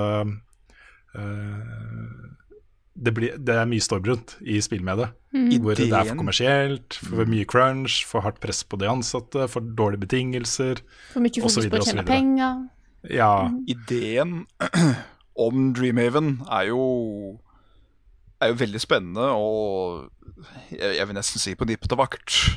Um, for uh, jeg skulle til å si Jeg føler vel at Blizzard er bare erkeeksempelet på hvor kynisk den bedriften kan uh, bli, da. mm, For uh, når de da lagde Diablo 2, Warcraft 3, uh, spill før den tid òg, da var det jo ikke mange folk. De var vel kanskje en ja, maks 20-30-ish folk som liksom jobba hardt som et sånt lite knytta team. Og nå er jo Blizzard eh, er det, er det flere hundre som jobber i Blizzard ja, mange hundre. Så det er, jo, det, er jo ikke det, det er jo ikke det samme kompaniet som det en gang var. Det er det jo ikke. Uh, og jeg tror ikke Blizzard hadde godt av den uh, Activision Merchant, skal jeg være helt ærlig. Nei, jeg tror ikke det. Nei, det skjedde, det skjedde noe med, eh, med firmakulturen eh, i den der vekstperioden. Fordi sammenfallende da med eh, veksten i Blizzard og suksessen de hadde med forskjellige serier, først og fremst World of Warcraft, så ramla jo på en måte hele, alle disse nye betalingsmodellene og økonomiske modellene inn i spillebransjen. Med mikrotransaksjoner og Games as a Service og holde spillerne der så lenge som mulig med nytt innhold. Alle disse tingene her. Der har og all, ikke sant, alle de seriene til Blizzard, også Starcraft, eh, Overwatch, World of Warcraft Dette er jo spill som på en måte kan skli rett inn i sånne modeller, ikke sant? Ja, og de modellene ofte er eh, Eller ikke ofte, men de blir brukt veldig svinsk av Blizzard eller Activision. Jeg vet da pokker hvem som styrer akkurat den biten der. Um, men jeg har jo uh, f.eks. et abonnent på YouTube på Blizzard sin egen World of Warcraft-kanal. Der de kommer ut med sånne små uh, tidbits, Noe law-videoer nå i henhold til nye expansion pack som kommer i oktober etc. Eh, og da skjedde det jo nesten annenhver uke, til hvert fall én gang i måneden, at eh, mens de fortsatt da blei mer eller mindre piska av fans fra alle kanter fordi at identiteten til spillet var borte.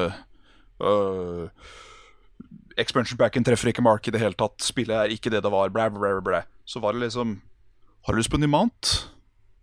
Koster bare 30 dollar. Jævlig fin rotte, altså. Vinger til og med. Og så spiser han ost hvis du trykker på space. Koster bare 25 dollar. Det vet du vil ha. Og så kom det liksom mange sånne modeller sånn Å, hvis du abonnerer på WoW i en halv, et halvt år, binder deg til det, så får du dette, dette flaggskip-mountain for 10 dollar. Ja. Det er sånn Du får lov til å kjøpe det for 10 dollar. Mm. Nei, dette er, altså, vi, uh, vi har nok gitt Blizzard mye fortjent pepper de siste årene. Eh, det skjer ting som, eh, som jeg ikke syns er helt bra med det selskapet. Vi skal ikke glemme at de fortsatt lager spill som folk setter pris på. Absolutt. Inkludert av Overwatch, og eh, jeg er helt sikker på at, at ny expansion til WoW også eh, kommer folk til å digge, i hvert fall en stund. Ja, jeg eh, Hvis jeg skal bare gå strekke beinet mitt ut her, på si, og bare komme med en sånn liten sånn pre- pre-dypp, så virker det som om nå skal de gjøre alt de kan for å rette opp den feilen de gjorde med forrige expansion. Mm. Med rett og Ja, slett å det miste identitet. Ja. Men det, jeg syns det er spennende med dette studioet, da, Dreamhaven. Ja, uh, og, det var jo det vi pratet eh, ja, men all den erfaringa de tar med seg, ikke sant. Og Ja. dette er jo et eh, klasseteam av utviklere som er top of their game. De, de vet hva de holder på med. Og det kan jo altså i, I noen sånne tilfeller så er de på en måte mette og har laget sine beste spill. Det, det kan skje. Det er ikke sikkert at eh, den samme måte, genialiteten som skapte Diablo, og som skapte Starcraft, og som skapte, skapte Warcraft og WoW og alle disse tingene her, fortsatt er like sterk hos disse folkene. Det er klart. Um, men det kan også bety vi er fri. Vi kan gjøre det vi egentlig har lyst til å gjøre. ikke sant? Så det kan, det kan gå litt begge veier, da. Uh, men det er i hvert fall gøy å se at uh, filosofien til selskapet er det den er. Um, det er jeg, jeg tror da at disse tingene her er noe som kommer til å prege spillbransjen i årene framover. At vi kanskje vil se lengre utviklingstider på spill. At du vil se bedre betingelser for de som jobber med disse spillene, um, osv. Så, videre. så jeg, jeg- jeg ser dette som på en måte et tegn i tiden. da At uh, dette er endelig et tema som uh, utviklere begynner å ta på alvor. Bra. Så, ja, det er kjempebra. Og fra en, eh, veteran, en veteran til en annen. Michelle Ancel forlater spillbransjen for å jobbe da eh, med et eh, naturreservat. Altså et wildlife sanctuary. Jeg må tro om det er arbeidet hans med Wild som har ført til denne Ok, jeg er ferdig med spill. Jeg vil gjøre noe som er viktigere for meg personlig. type tingen. Eh, men han, han, han føler seg ferdig med spill, rett og slett. Og skal nå jobbe med noe som eh, ligger nærmere hjertet hans. Jeg føler at det, det er verre ting du kunne gjort enn å Ja, det er det. gi tilbake til naturen, liksom. Det, Michel selv er da, for eh, de som ikke umiddelbart kobler navnet hans, han er jo eh, pappaen til Rayman. Rayman. ja. Beyond Good and Evil. Uh, Raving, Raving Rabbids. Um, han har jo også da vært sentral i utviklingen av um, Beyond Good and Evil 2 og Wild. Uh, som han sier da fortsatt er under utvikling hos et team som har blitt autonomt. Det betyr jo da at de, de fikser det selv, mener han da. Oh, ja. Det er, eh, det er på stell. Så de to spillene skal fortsatt eh, komme ut. Så jeg, jeg har ikke så mye å legge til, jeg, annet enn uh, takk for uh, gode bidrag. Jeg vet her enkelte Jeg er fryktelig glad i Beyond Good and Evil. Jeg vet du er veldig glad i Rayman, Frida. Ja. Så eh, han har vært en viktig utvikler for meg personlig. Ja, samme her. Men jeg håper at det er nok folk i, eh, i Ubisoft som, som kan kjempe Rayman sin kamp eh, framover. Mm. Men det, hva om det betyr da, Frida, at du ikke får noe nytt Rayman? Det er jo trist. Ja. Rayman is mush. I så fall så vil jeg bare ha beskjed om det. Hvis noen bare kan, kan Hvis Ubisoft kan bare legge det dødt, sånn at jeg slipper å håpe på det. Eh, nesten. Bare være en sånn Det- det- tombstone med Rayman. ja. Nei, De kommer aldri til å si aldri på den også. Nei, altså serie de så mye de har vært glad i å bruke Rabbids òg, så tror jeg ikke Rayman-universet er dødt. Selv om Mm. det ikke er nødvendigvis eh, Rabbids jeg vil ha. Nei. Den uka her så ble også Rocket League free to play. Ja! De ble jo da, studioet der ble jo kjøpt opp av Epic Games. Eh, det er nå eh, på PC, uh, exclusive på Epic Game Store. Men de som har det på Steam, kan fortsatt spille det. Og de lover at de, skal støtte Steam-plattformen så lenge det er spillere der. Så um, Det bra. det kan jo hende at de skrur av, skrur av den etter hvert. Men eh, inntil videre i hvert fall så kan folk fortsatt spille på Steam, da. Ja. eh, på PC. Så uh, dette er jo en sånt spill som bare fortsetter å være populært, og som folk fortsetter å spille. Uh, litt sånn i Minecraft og Overwatch, League of Legends-leie, liksom et sånn evigvarende spill som folk bare ikke går lei av. Hvem skulle tro at radiostyrte biler som spiller fotball, skulle liksom ta ta så? Ja, liksom, er Jeg syns det er gøy. det, Du har så mange muligheter, fordi at jeg har prøvd det litt i det det kommet, tror jeg. Jeg har ikke spilt det så mye siden da, eh, men det spillet er jo jæklig vanskelig. Mm, Eh, det er det. Fordi at måte, En ting er at ja, du kan kunne kjøre rundt og treffe ballen innimellom og håpe at det går rett vei, men de som er gode i dette her, er så jæklig gode. Det er helt Ja, de tullete å se. De legger ballen under bilen, og så opp i lufta, og så vrir de seg rundt, og så får de akkurat riktig vinkel, og så Ikke sant? Det er helt sjukt Mm. Å se på. Jeg så- elsker å se e-sportmatcher i, over- i oh.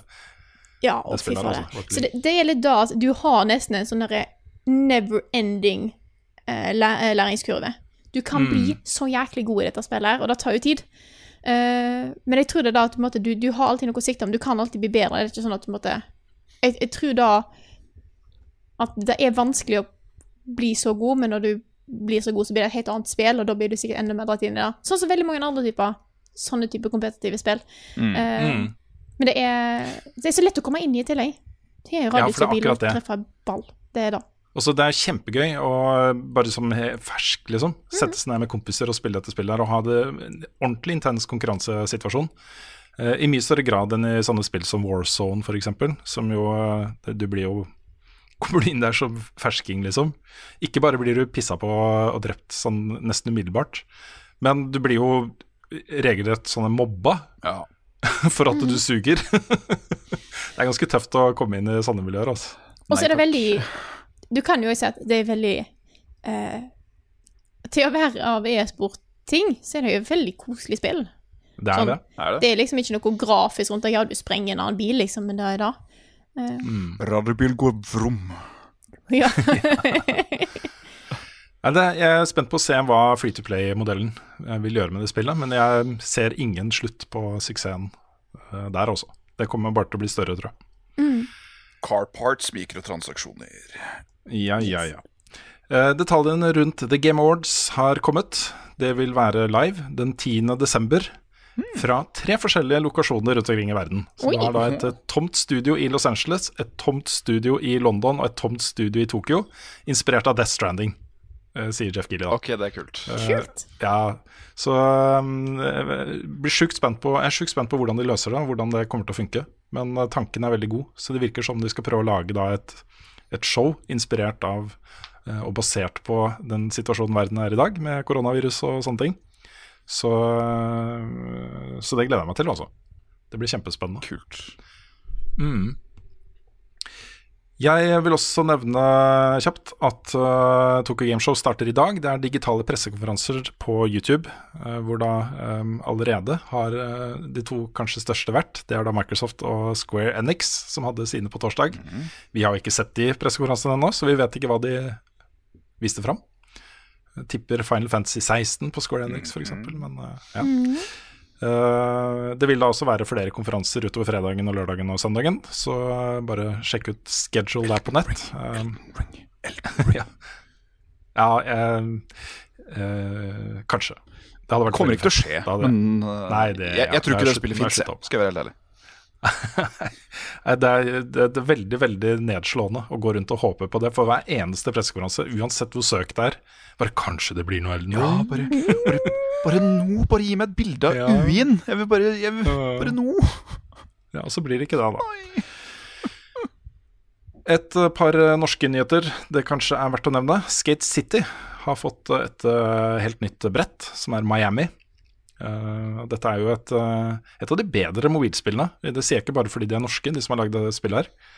Men uh, det er et sånn skikkelig chill-spill, hvor du spiller da skateboard i 2D eh, til fet musikk, og skal bare få til kule tricks og kombos. Nice moves. Ja, det er veldig, veldig bra spill også.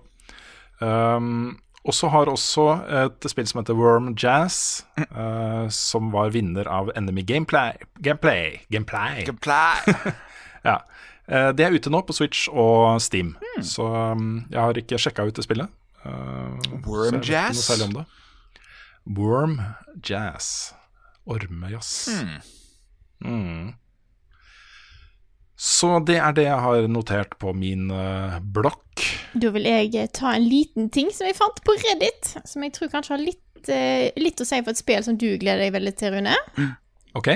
Dette er, det er nylig kommet noe om at det er en Det er ikke en veldig stor nyhet, dette her, da. Men det har i hvert fall dukket opp, og jeg syns det er litt spennende. Eh, dette gjelder jo det nye Metroid Prime 4. Som, okay. da, som da virres litt om i bakgrunnen, og som ble jo scrappa fullstendig. Så det er veldig spennende hva som skjer her. Nå er det da Det er senior game designer fra nyeste God of War.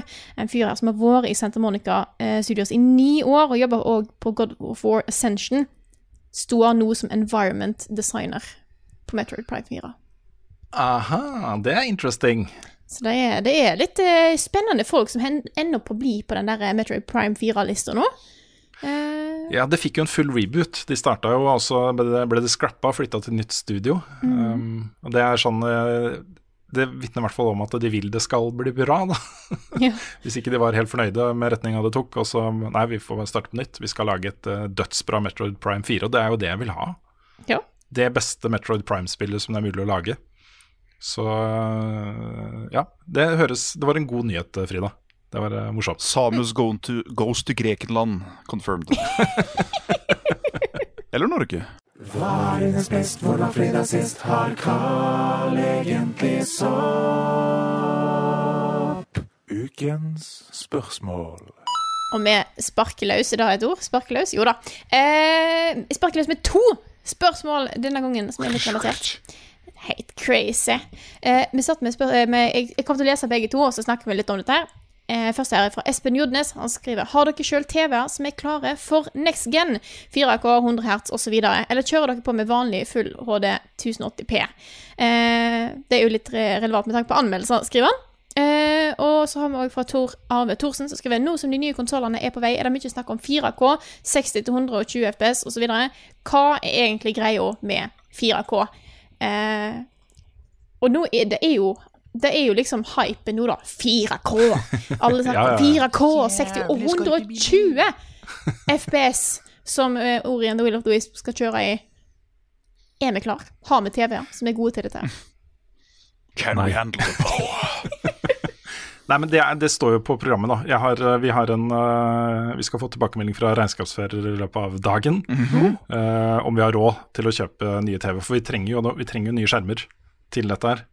Uh, jeg, det jeg sitter på, både til PC og konsoll, er en uh, PC-monitor som er uh, 60 hertz, men 4K. Men det er 4K, det er på det andre spørsmålet. Fordi 4K, i den avstanden jeg sitter, sitter på, da, ikke så stor effekt. Du må liksom opp i en viss størrelse på skjermen for at det skal ha noe å si da, for hva øyet oppfatter og, og sånne ting. Men det med frames i sekundene er jo på en måte mer viktig. Så um, jeg vil gjerne ha muligheten til å kjøre i 120 i hvert fall, da.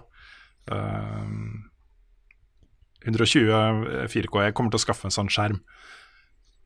Jeg- Fordi ja, det blir et sånt salgsargument, og jeg bør eh, kunne si noe om det. Uh, ja.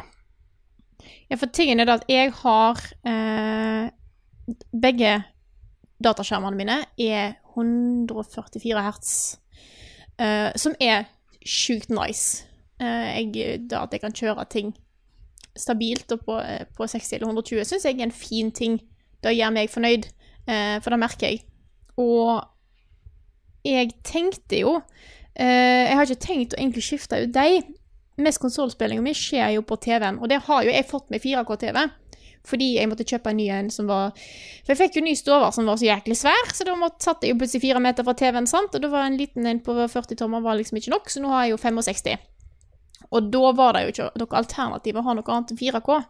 Men jeg innser at jeg er litt usikker på om den, hva den støtter av framerate. For da er ikke så lett å finne. Så jeg prøver nå å finne ut hva i svarte jeg har av en, eh, av en TV. Fordi at det er så vanskelig å finne disse jækla kodene. Og nå har jeg funnet at jeg har en 65 UK 7550 PLAAE-TV. Eh, Ja, så den, skal jeg ta Ja, den det er sant, sant. Ja, ja. Så jeg skal prøve å finne ut om den faktisk hva eh, hertz den har. For det er så mange TV-er som er sånn Ja, det står at de har dette, men så har de egentlig ikke det. De bare prøver å oppskalere, og så er det mye styr. Så, ja. ja, altså Hvis du har ekstra uflaks med litt gamle TV-er, sånn, så var, TV så var jo de enten 50 eller 100. 50 hertz, hva skal du med det liksom med spill? Som enten da kjører 60 eller 30, eller Ja. da 120. Det blir jo full, full krasj. Det står 100 hertz. Eh, Ja. Men jeg vet ikke om det er native, eller om det er oppskalert. Så det skal jeg prøve å finne ut av. Det er så Dette er jævlig jo vanskelig!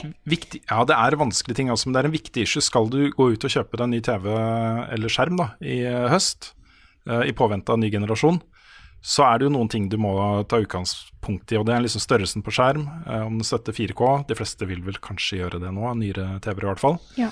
Eh, og framerate, også hertz, eh, men også eh, latency. Eh, og mange av disse TV-ene har jo sånn oppi 16-20 um, eh, millisekunder delay. Du vil jo helst ned i sånn gaming PC-monitor-greie på 2, 3, 4, 5 eh, millisekunder. Og det er, eh, det er mye, mye å tenke på, altså. Eh, og ganske dyrt. Altså De feteste gamingskjermene som kommer nå i høst, da, som har støtte for 4K, eh, 144 hertz og kanskje opp i 200 og et eller annet eh, hertz, det er jo sånn de kuleste av dem, disse curved Samsung-skjermene Ja, ja, ja. f.eks., for eksempel, er 15 000, det. Ja. Så det er, det er en solid investering da man må gjøre. Og selv den skjermen jeg har, den kjøpte jeg jo for noen år siden eh, da PlayStation 4 kom. Eh, Fordi jeg tenkte jeg burde i hvert fall ha muligheten til å spille 60 FPS og eh, eh, 4K. eh, Fordi den støtter det, ikke sant. Den kosta jo 7000 den, da jeg kjøpte den. Og det var ganske mye penger for en PC-monitor på den tida. Så man må liksom investere litt i det. Det er helt sant. Men jeg, jeg tror da, for å oppsummere spørsmålene litt, har du en skjerm med grei latency som støtter eh, 4K 60, så er du good to go altså, for de neste årene, Ja. eh, stort sett. Fordi eh, jeg tror ikke det er så mange av de store store Triple A blockbuster uh, singleplayer-spillene som kommer til å støtte 120. Jeg tror de fleste vil legge seg på, legge seg på 60. Uh, og 60 er liksom bra nok, særlig hvis du er vant til 30. da Så er det en eh, betydelig oppgradering. Definitivt. Jeg innser at det, det, det går ikke an å finne ut infoen til TV-en min, som nå har gitt opp. Um, hvis noen vet det, hjelp. Men da jeg lurer på, hva er, sånn, hva er vitsen med 4K? Jeg spør hva er vitsen med 8K? Ja, det er jo jo- nye Nvidia-skjermkortet. Ja. er jo sånn ja, 8K. Mm -mm. 8K. For bare den nette sum av 69 990 kroner, så kan den nye Samsung 82-tommer QLED 8K smart-TV bli din. Ja, ikke sant. ja, TV-en min, den, den er moden for uh, utskifting, altså. Uh, men uh, der er ikke jeg den eneste som bestemmer. Nei. Og kona har ikke lyst til å få inn en ny fancy TV i Det syns hun ikke vi trenger. Nei. Så, um, så da må jeg liksom holde meg til kontorplassen min og utgifter som jeg kan bokføre på, på Buffkitten AS, liksom. Um, så det, det Ja, jeg, jeg, jeg tror den TV-en blir stående. Dessverre. En stund til. Jeg innser at så, skal jeg tror bare bare. Nei. Jeg tror skjermene jeg har på kontoret mitt på jobb, er Ja, det tror jeg er 4K. Jeg. Ja. Men jeg har ikke PC til å kjøre 4K, så det har liksom ikke vært aktuelt. Og så har jeg Jeg har jo bare den gamle PlayStation 4-en, så jeg har liksom ikke testa så mye 4K utenom Netflix. Mm. Så eh, det blir, det blir gøy. Det blir gøy å se. Jeg gleder meg til å få, faktisk få, få, få testa og kjørt denne TV-en min litt. Grann. Mm. Mm. Vi håper på å kunne gjøre en del sånne hardware-investeringer i høst. eh, fordi eh, vi har så lyst nå til å eh, samles på et kontor igjen for å sitte og jobbe sammen. Uh, og det vil jo fortsatt være sånn at vi da kommer til å veksle mellom hjemmekontor og der. Da trenger vi på en måte to sett da, uh, med PC-er og sånt. Vi kan ikke drive og bære med oss PC og skjerm fra hjemmekontor til uh, utekontor. Så vi håper på å kunne ha råd til å utruste et kontor i løpet av høsten. Så det er målet vårt og håpet vårt og ønsket vårt. Så jepp. Yes. Nei, men skal vi, skal vi ta et nytt spørsmål, eller? Det kan vi gjøre. Har du et på lager, Rune? Det har jeg. Jeg har et eh, godt et fra uh, Mar uh, Maritimuse. Eller Maritimuse, mm -hmm. Litt usikker på uttalelsen. Som spør Hei, hva mener dere skal til for at man kan kalle seg en spilljournalist? Krever eh, det at man jobber for, eller har jobbet for et anerkjent medium, f.eks. avis eller lignende? Eller er det noe annet som definerer en spilljournalist? F.eks. at man følger Vær varsom-plakaten. Um, og det er et eh, godt spørsmål, fordi vi kaller oss spilljournalister. Men journalist er ikke et beskytta yrke. Altså, man må ikke ta utdannelse for å bli journalist. Uh, og det, det er jo uh, sånn da at uh, um, journalistyrket følger da på en måte et sett med etiske regler for innholdet man lager. eh, som er definert da i bl.a. Vær varsom-plakaten, men ikke nødvendigvis bare det. Det er ikke sånn at du må sitte og studere den. Men det handler jo om presseetikk. Eh, det handler om eh, uavhengighet. Det handler om sånne ting som at man ikke kan ha kommersielle bindelser til aktørene i de sakene man skriver. Relevant her, f.eks. Du kan ikke på en måte jobbe for et stort spillselskap og samtidig eh, være en helt uavhengig journalist. da. Selv om det går, er, finnes måter å kombinere disse tingene på, og gråsoner og alt, alt dette her. Så jeg vil si at for å kalle deg en spilljournalist, så må du følge de eh, mest vanlige presseetiske reglene for journalistikk. Mm. Um, det er eh, et minimumskrav, føler jeg. da. Det er Jeg vet ikke om det er så mye å legge til der, men Eh, Du har jo mye mer erfaring med dette her, for du har jo faktisk jobba som journalist i noen år. Mm. Eh, så jeg, jeg føler jo at jeg, jeg kaller meg jo fortsatt sp- spilljournalist, men jeg føler jeg på en måte følger eh, Jeg har jo fått opplæring av deg og Carl, som har vært i dette gamet en stund. Og jeg fikk opplæring av andre igjen da jeg begynte, for jeg er heller ikke utdanna journalist. da, Så alt jeg har lært om journalistikk, har jeg lært av andre Mm. i de jobbene jeg har vært i. Jeg kan ta noen eksempler da, på relevante situasjoner som en eh, spilljournalist kan havne i, og som man må um, ha et visst eh, forhold til eh, for å kunne kalle seg journalist. og det er sånne ting som uh, NDA-er, også sånne avtaler man signerer uh, fra utgivere og utviklere for å få tilgang til uh, eh, spillkoder. Enten review-kode eller preview-kode eller events eller hva som helst. Um, noen av disse NDA-ene som jeg har sett, inneholder jo formuleringer som går på at ikke du står fritt til å mene hva du vil om det du opplever. For eksempel, eh, du kan ikke nevne sånn og sånn.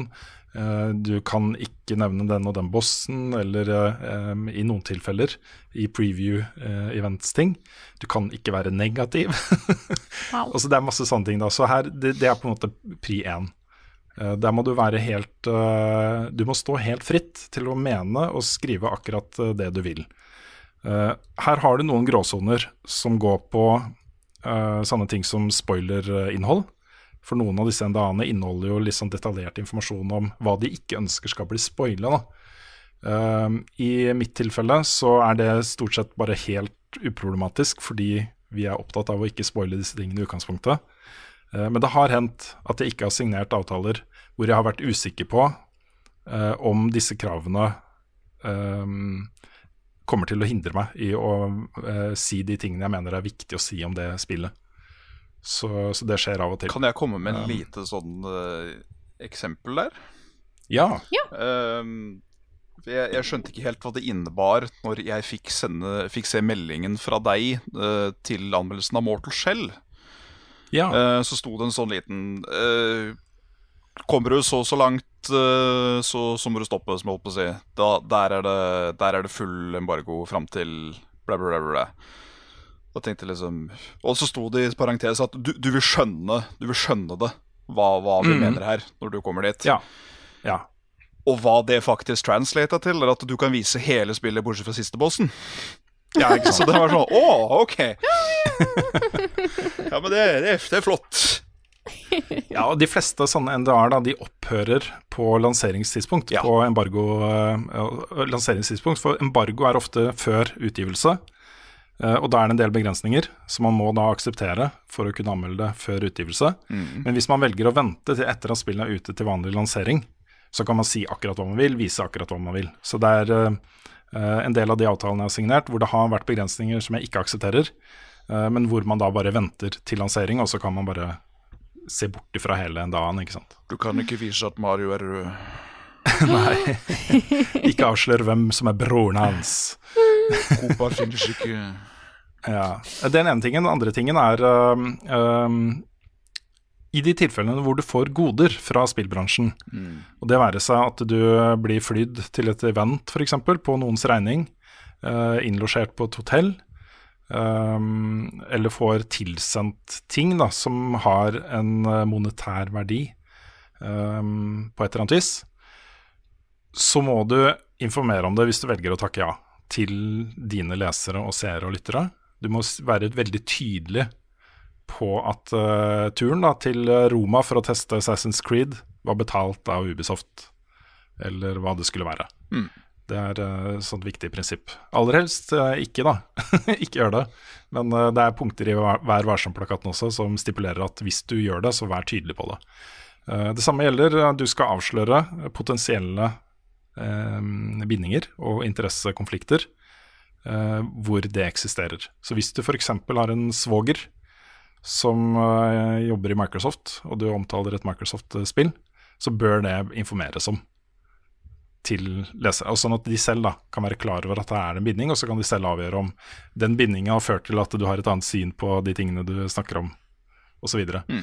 Men i mitt tilfelle da, så gjelder jo det eh, er litt sånn overbyggende, for jeg er ganske forsiktig med å bli for gode venner med norske spillutviklere, f.eks. Uh, massevis av utviklere der jeg veldig, liker veldig godt. Eh, personlig også, som flotte personer som jeg kunne blitt gode venner med. Men hvor jeg merker at jeg har en sånn distanse. da Jeg vil ikke komme for nær dem, ikke sant. Eh, og i de tilfellene hvor jeg føler at jeg har kommet litt for nært, så har jeg jo gitt anmeldelsene til noen andre. Owlboy, f.eks. Mm. Som jeg hadde jo vært på besøk hos de en hel dag og blitt veldig godt kjent med, med gutta. Eh, og jeg følte at, at eh, ok, jeg heier litt mye på dem men nå, liksom. Jeg vil at det skal gå bra med dem. Så da tenkte jeg at da får vi anmeldelse til noen som ikke har vært på besøk på Askøy og hengt med de en hel dag. Uh, Opptil flere ganger. Ja. Så ja. Nei, det handler egentlig bare om å være tydelig på at det skal være et skille mellom de du dekker, og deg selv. Uh, og at ditt ansvar er overfor dine lesere og dine seere og lyttere. Og de skal være trygge på at din mening er uavhengig.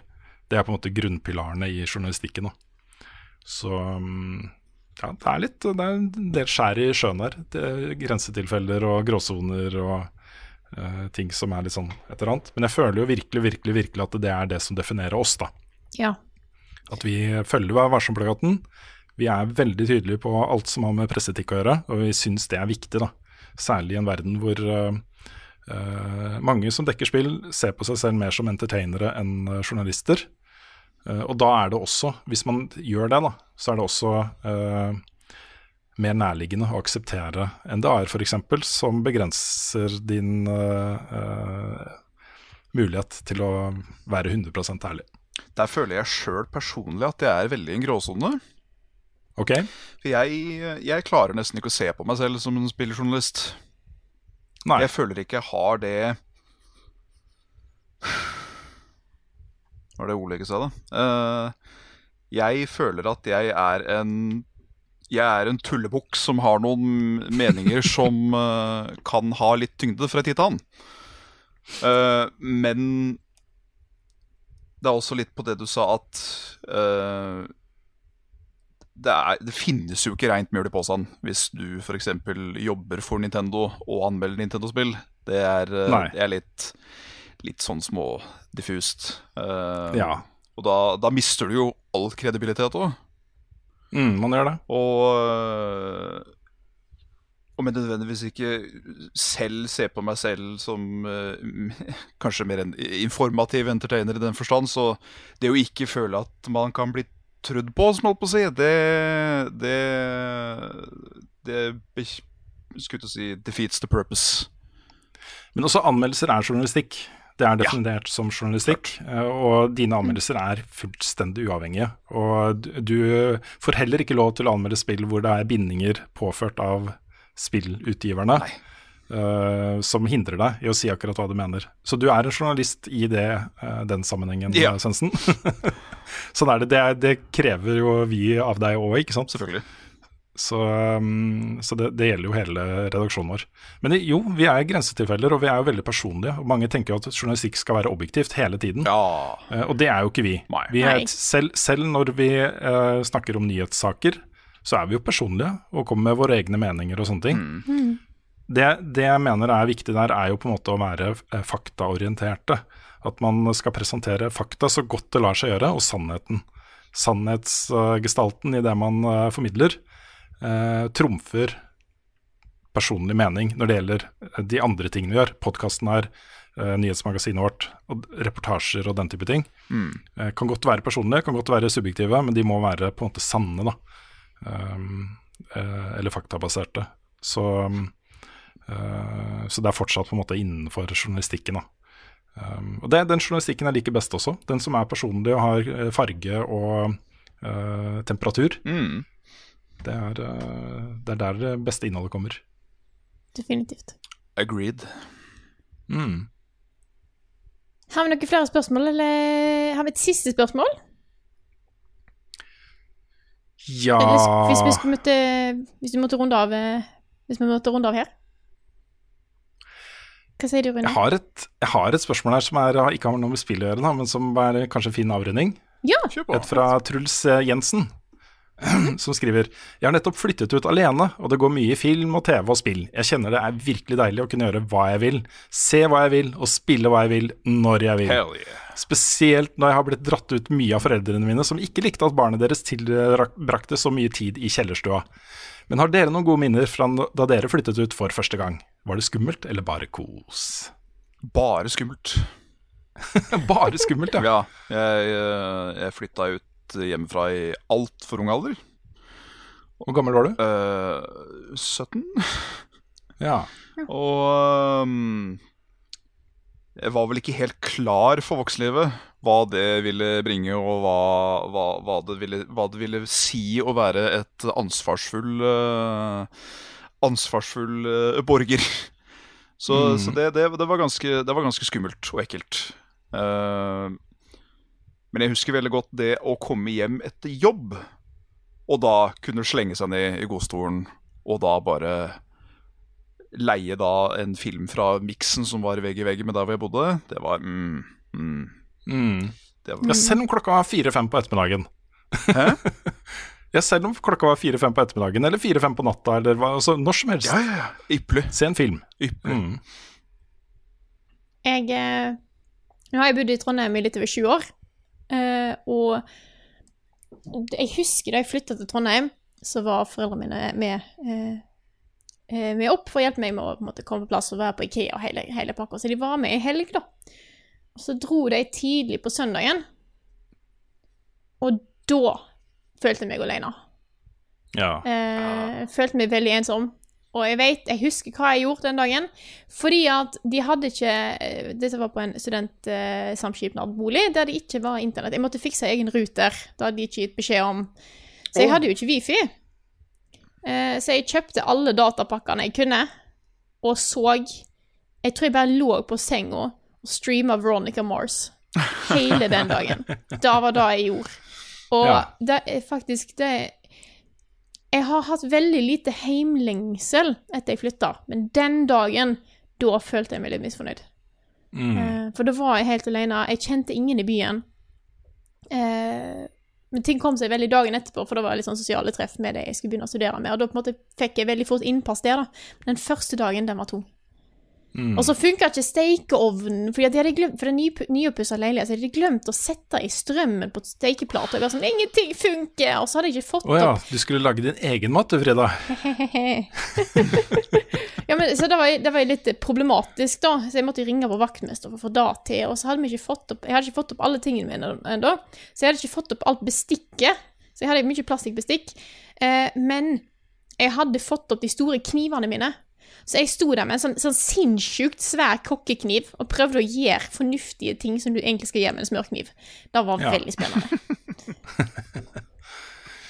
Det er litt det er viktig um, Også det første stedet man flytter til, har mye å si, føler jeg, da, for uh, den opplevelsen å flytte hjemmefra. Fordi jeg flytta da til Oslo. Jeg var jo 20 da, så jeg var jo ikke uh, så ung. Um, men jeg flytta inn i en hybel et stykke utafor sentrum. Så jeg bodde da i kjelleren til et hus på Disen, og kjente ingen i byen. Jeg hadde ingen venner uh, som hadde flytta til byen. Og det første halvåret, inntil jeg kom meg inn i et kollektiv i sentrum, da var jeg mye deppa, ass.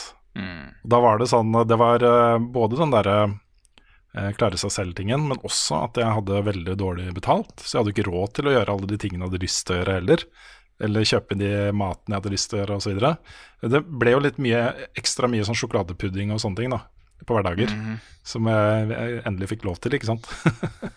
Men det var først når jeg flytta i et kollektiv i sentrum, at den der følelsen av å eh, begynne å bygge sitt eget liv eh, tok av, da. For det var gøy. Eh, da mye festing og ute på eh, Fikk jo sånn stampub rett rundt hjørnet og sånne ting, liksom. Masse hyggelige mennesker. Så selv om jeg bodde på et lite ganske sånn, Jeg bodde i en brakke, faktisk. I ja, over et år. Eh, Et sånn falleferdig hus. Det ble jo faktisk så falleferdig at hele dritten ble revet ganske kort tid etter at jeg flytta ut. Men så var stemninga der og folka og sånt var bare helt nydelig. Da. Så um, det var, en, det var Da ble ting veldig, veldig bra. Eh, og det er uh, Den følelsen av å kunne gjøre det man vil når man vil, var jo noe som vedvarte helt til jeg fikk uh, samboer og barn. Um, så den har jo vært ganske sterk hele veien. Denne gleden av å bare disponere sin egen tid fullt ut er ganske sterk, altså. Mhm. Så um, Det at Ja. jeg alltid kan ha is i fryseren, ja. det er en fin ting. ja. Skal ikke mer til enn det. Nei, det, det skal ikke det, altså. Vent, i dag skal jeg spise is først. Så middag. Oi. Ja, noen ganger kunne man bare spise is til middag. Ja. Mm. Mm. Nei, det, er, det er en herlig frihet, og jeg merker det når jeg kommer hjem, så er det kjempekoselig å være hjemme. Mm. Men jeg, jeg merker at jeg har bodd for lenge vekke. Mm. Det, det er annerledes. Så Jeg søkte jo veldig til eh, Oslo, jeg da. Jeg hadde lyst til å flytte til Oslo fra jeg var ganske ung. Um, jeg syns liksom Våler da, og Moss var litt for lite, og var glad i storbyer. Jeg var glad i liksom alt det storbyer kunne tilby, da, eh, i en sånn daglig tilværelse, på en måte. Så jeg var veldig veldig happy med å komme til Oslo. Og at det, det merka veldig fort at det ble mitt nye hjem. da. Jeg følte meg hjemme her, ikke sant. Mm. Så nå har jeg bodd her mer enn noe annet sted. Eh, Over halvparten av livet mitt har jeg bodd i Oslo. Så det er jo hjemmet mitt nå. Det er ikke noe tvil om det. Jeg, jeg skjønner jo det veldig godt. Eh, og jeg eh, Når jeg er ferdig med doktorgraden, skal jeg sannsynligvis eller, ja, Da skal jeg nok flytte vekk fra Trondheim. Eh, men da har jeg bodd her i over ni år. Mm. Som vil være Jeg tror jeg, jeg Jeg vet ikke helt hvordan jeg ser på det å flytte igjen, fordi nå er Trondheim så trygt. Og jeg vet jeg skal flytte til en ny by. Jeg skal ikke flytte tilbake til Stord. Eh, så det blir litt det samme på nytt igjen. Det å få Mm. seg nytt eh, Finne seg til rette, få nye bekjente. Så jeg vet jeg har på en måte den den foran meg da med et par år. Så det er litt sånn, nesten litt sånn skummelt å tenke på. Det er jo en del spill, da, for å eh, ta den litt Ja, den ja. retningen, som handler om den der å komme fra et sted og komme hjem igjen etter mange år og sånne ting. Uh, du har jo Night in the Woods, for eksempel. En bracelet. Um, ja, eh, massevis av sånne eksempler. Mm. Det er den, den følelsen, det å ha på en måte et hjemsted som er et annet sted enn det som har blitt ditt hjem, da. Og det å komme hjem og det å se det, barndomshuset ditt og gata du vokste opp i og skogen der du bodde og alle disse tingene her, det er noe veldig sånn spesielt med det. Den nostalgien rundt disse tingene er jo noe som blir med deg resten av livet, selv om eh, det var en lang, lang periode hvor jeg var sånn Gud, jeg er glad jeg er ferdig med Våler. Og så trangt det var, og så lite det var, og eh, så mye skog og så eh, By! Yes! Betong. Eh, men jeg kjenner jo en sånn viss nostalgi. Jeg merka det sist når jeg spilte Microsoft Flight Simulator, hvor det første jeg gjorde, var å fly over barndomshjemmet mitt da, i Våler. Uh, og fikk den der nostalgibølgen kom skyldende over meg, da. Uh, og det, det er også en sånn ting som er uh, uh, Det er verdt å kjenne litt på. da Man kommer fra et sted, og man har blitt forma av det stedet man kommer fra. Og Mm. på, forskjellige, på godt og vondt, kanskje, i noen tilfeller. Men uh, det er ting som blir med deg videre, det også. Selv om du uh, skaper ditt eget liv, og selv om du får et nytt hjem. da Jeg var aldri sånn at jeg måtte vekk fra Stord.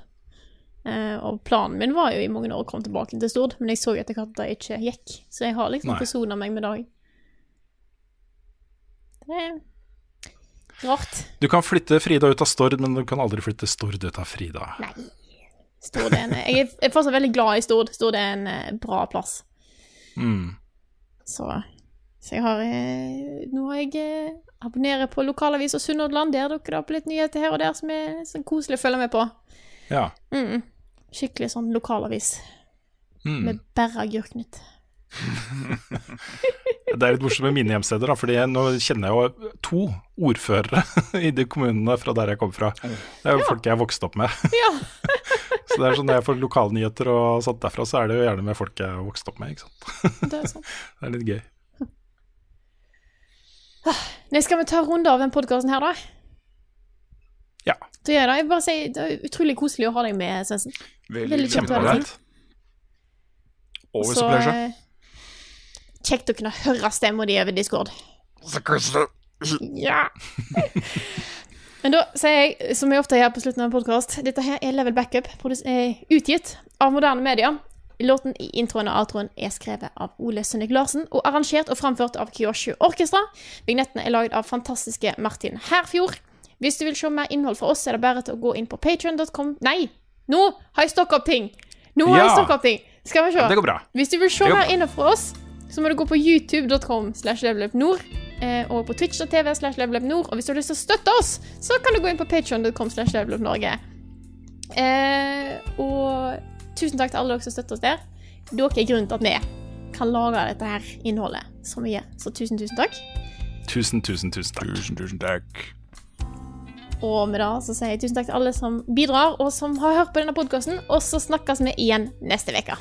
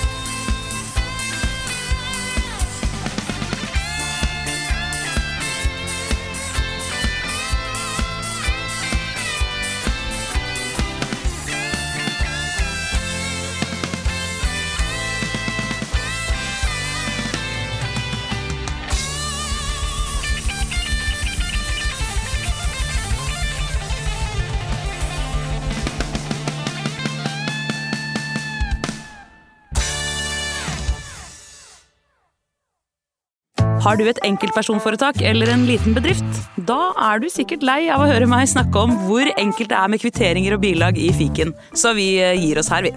Fordi vi liker enkelt. Fiken superenkelt regnskap.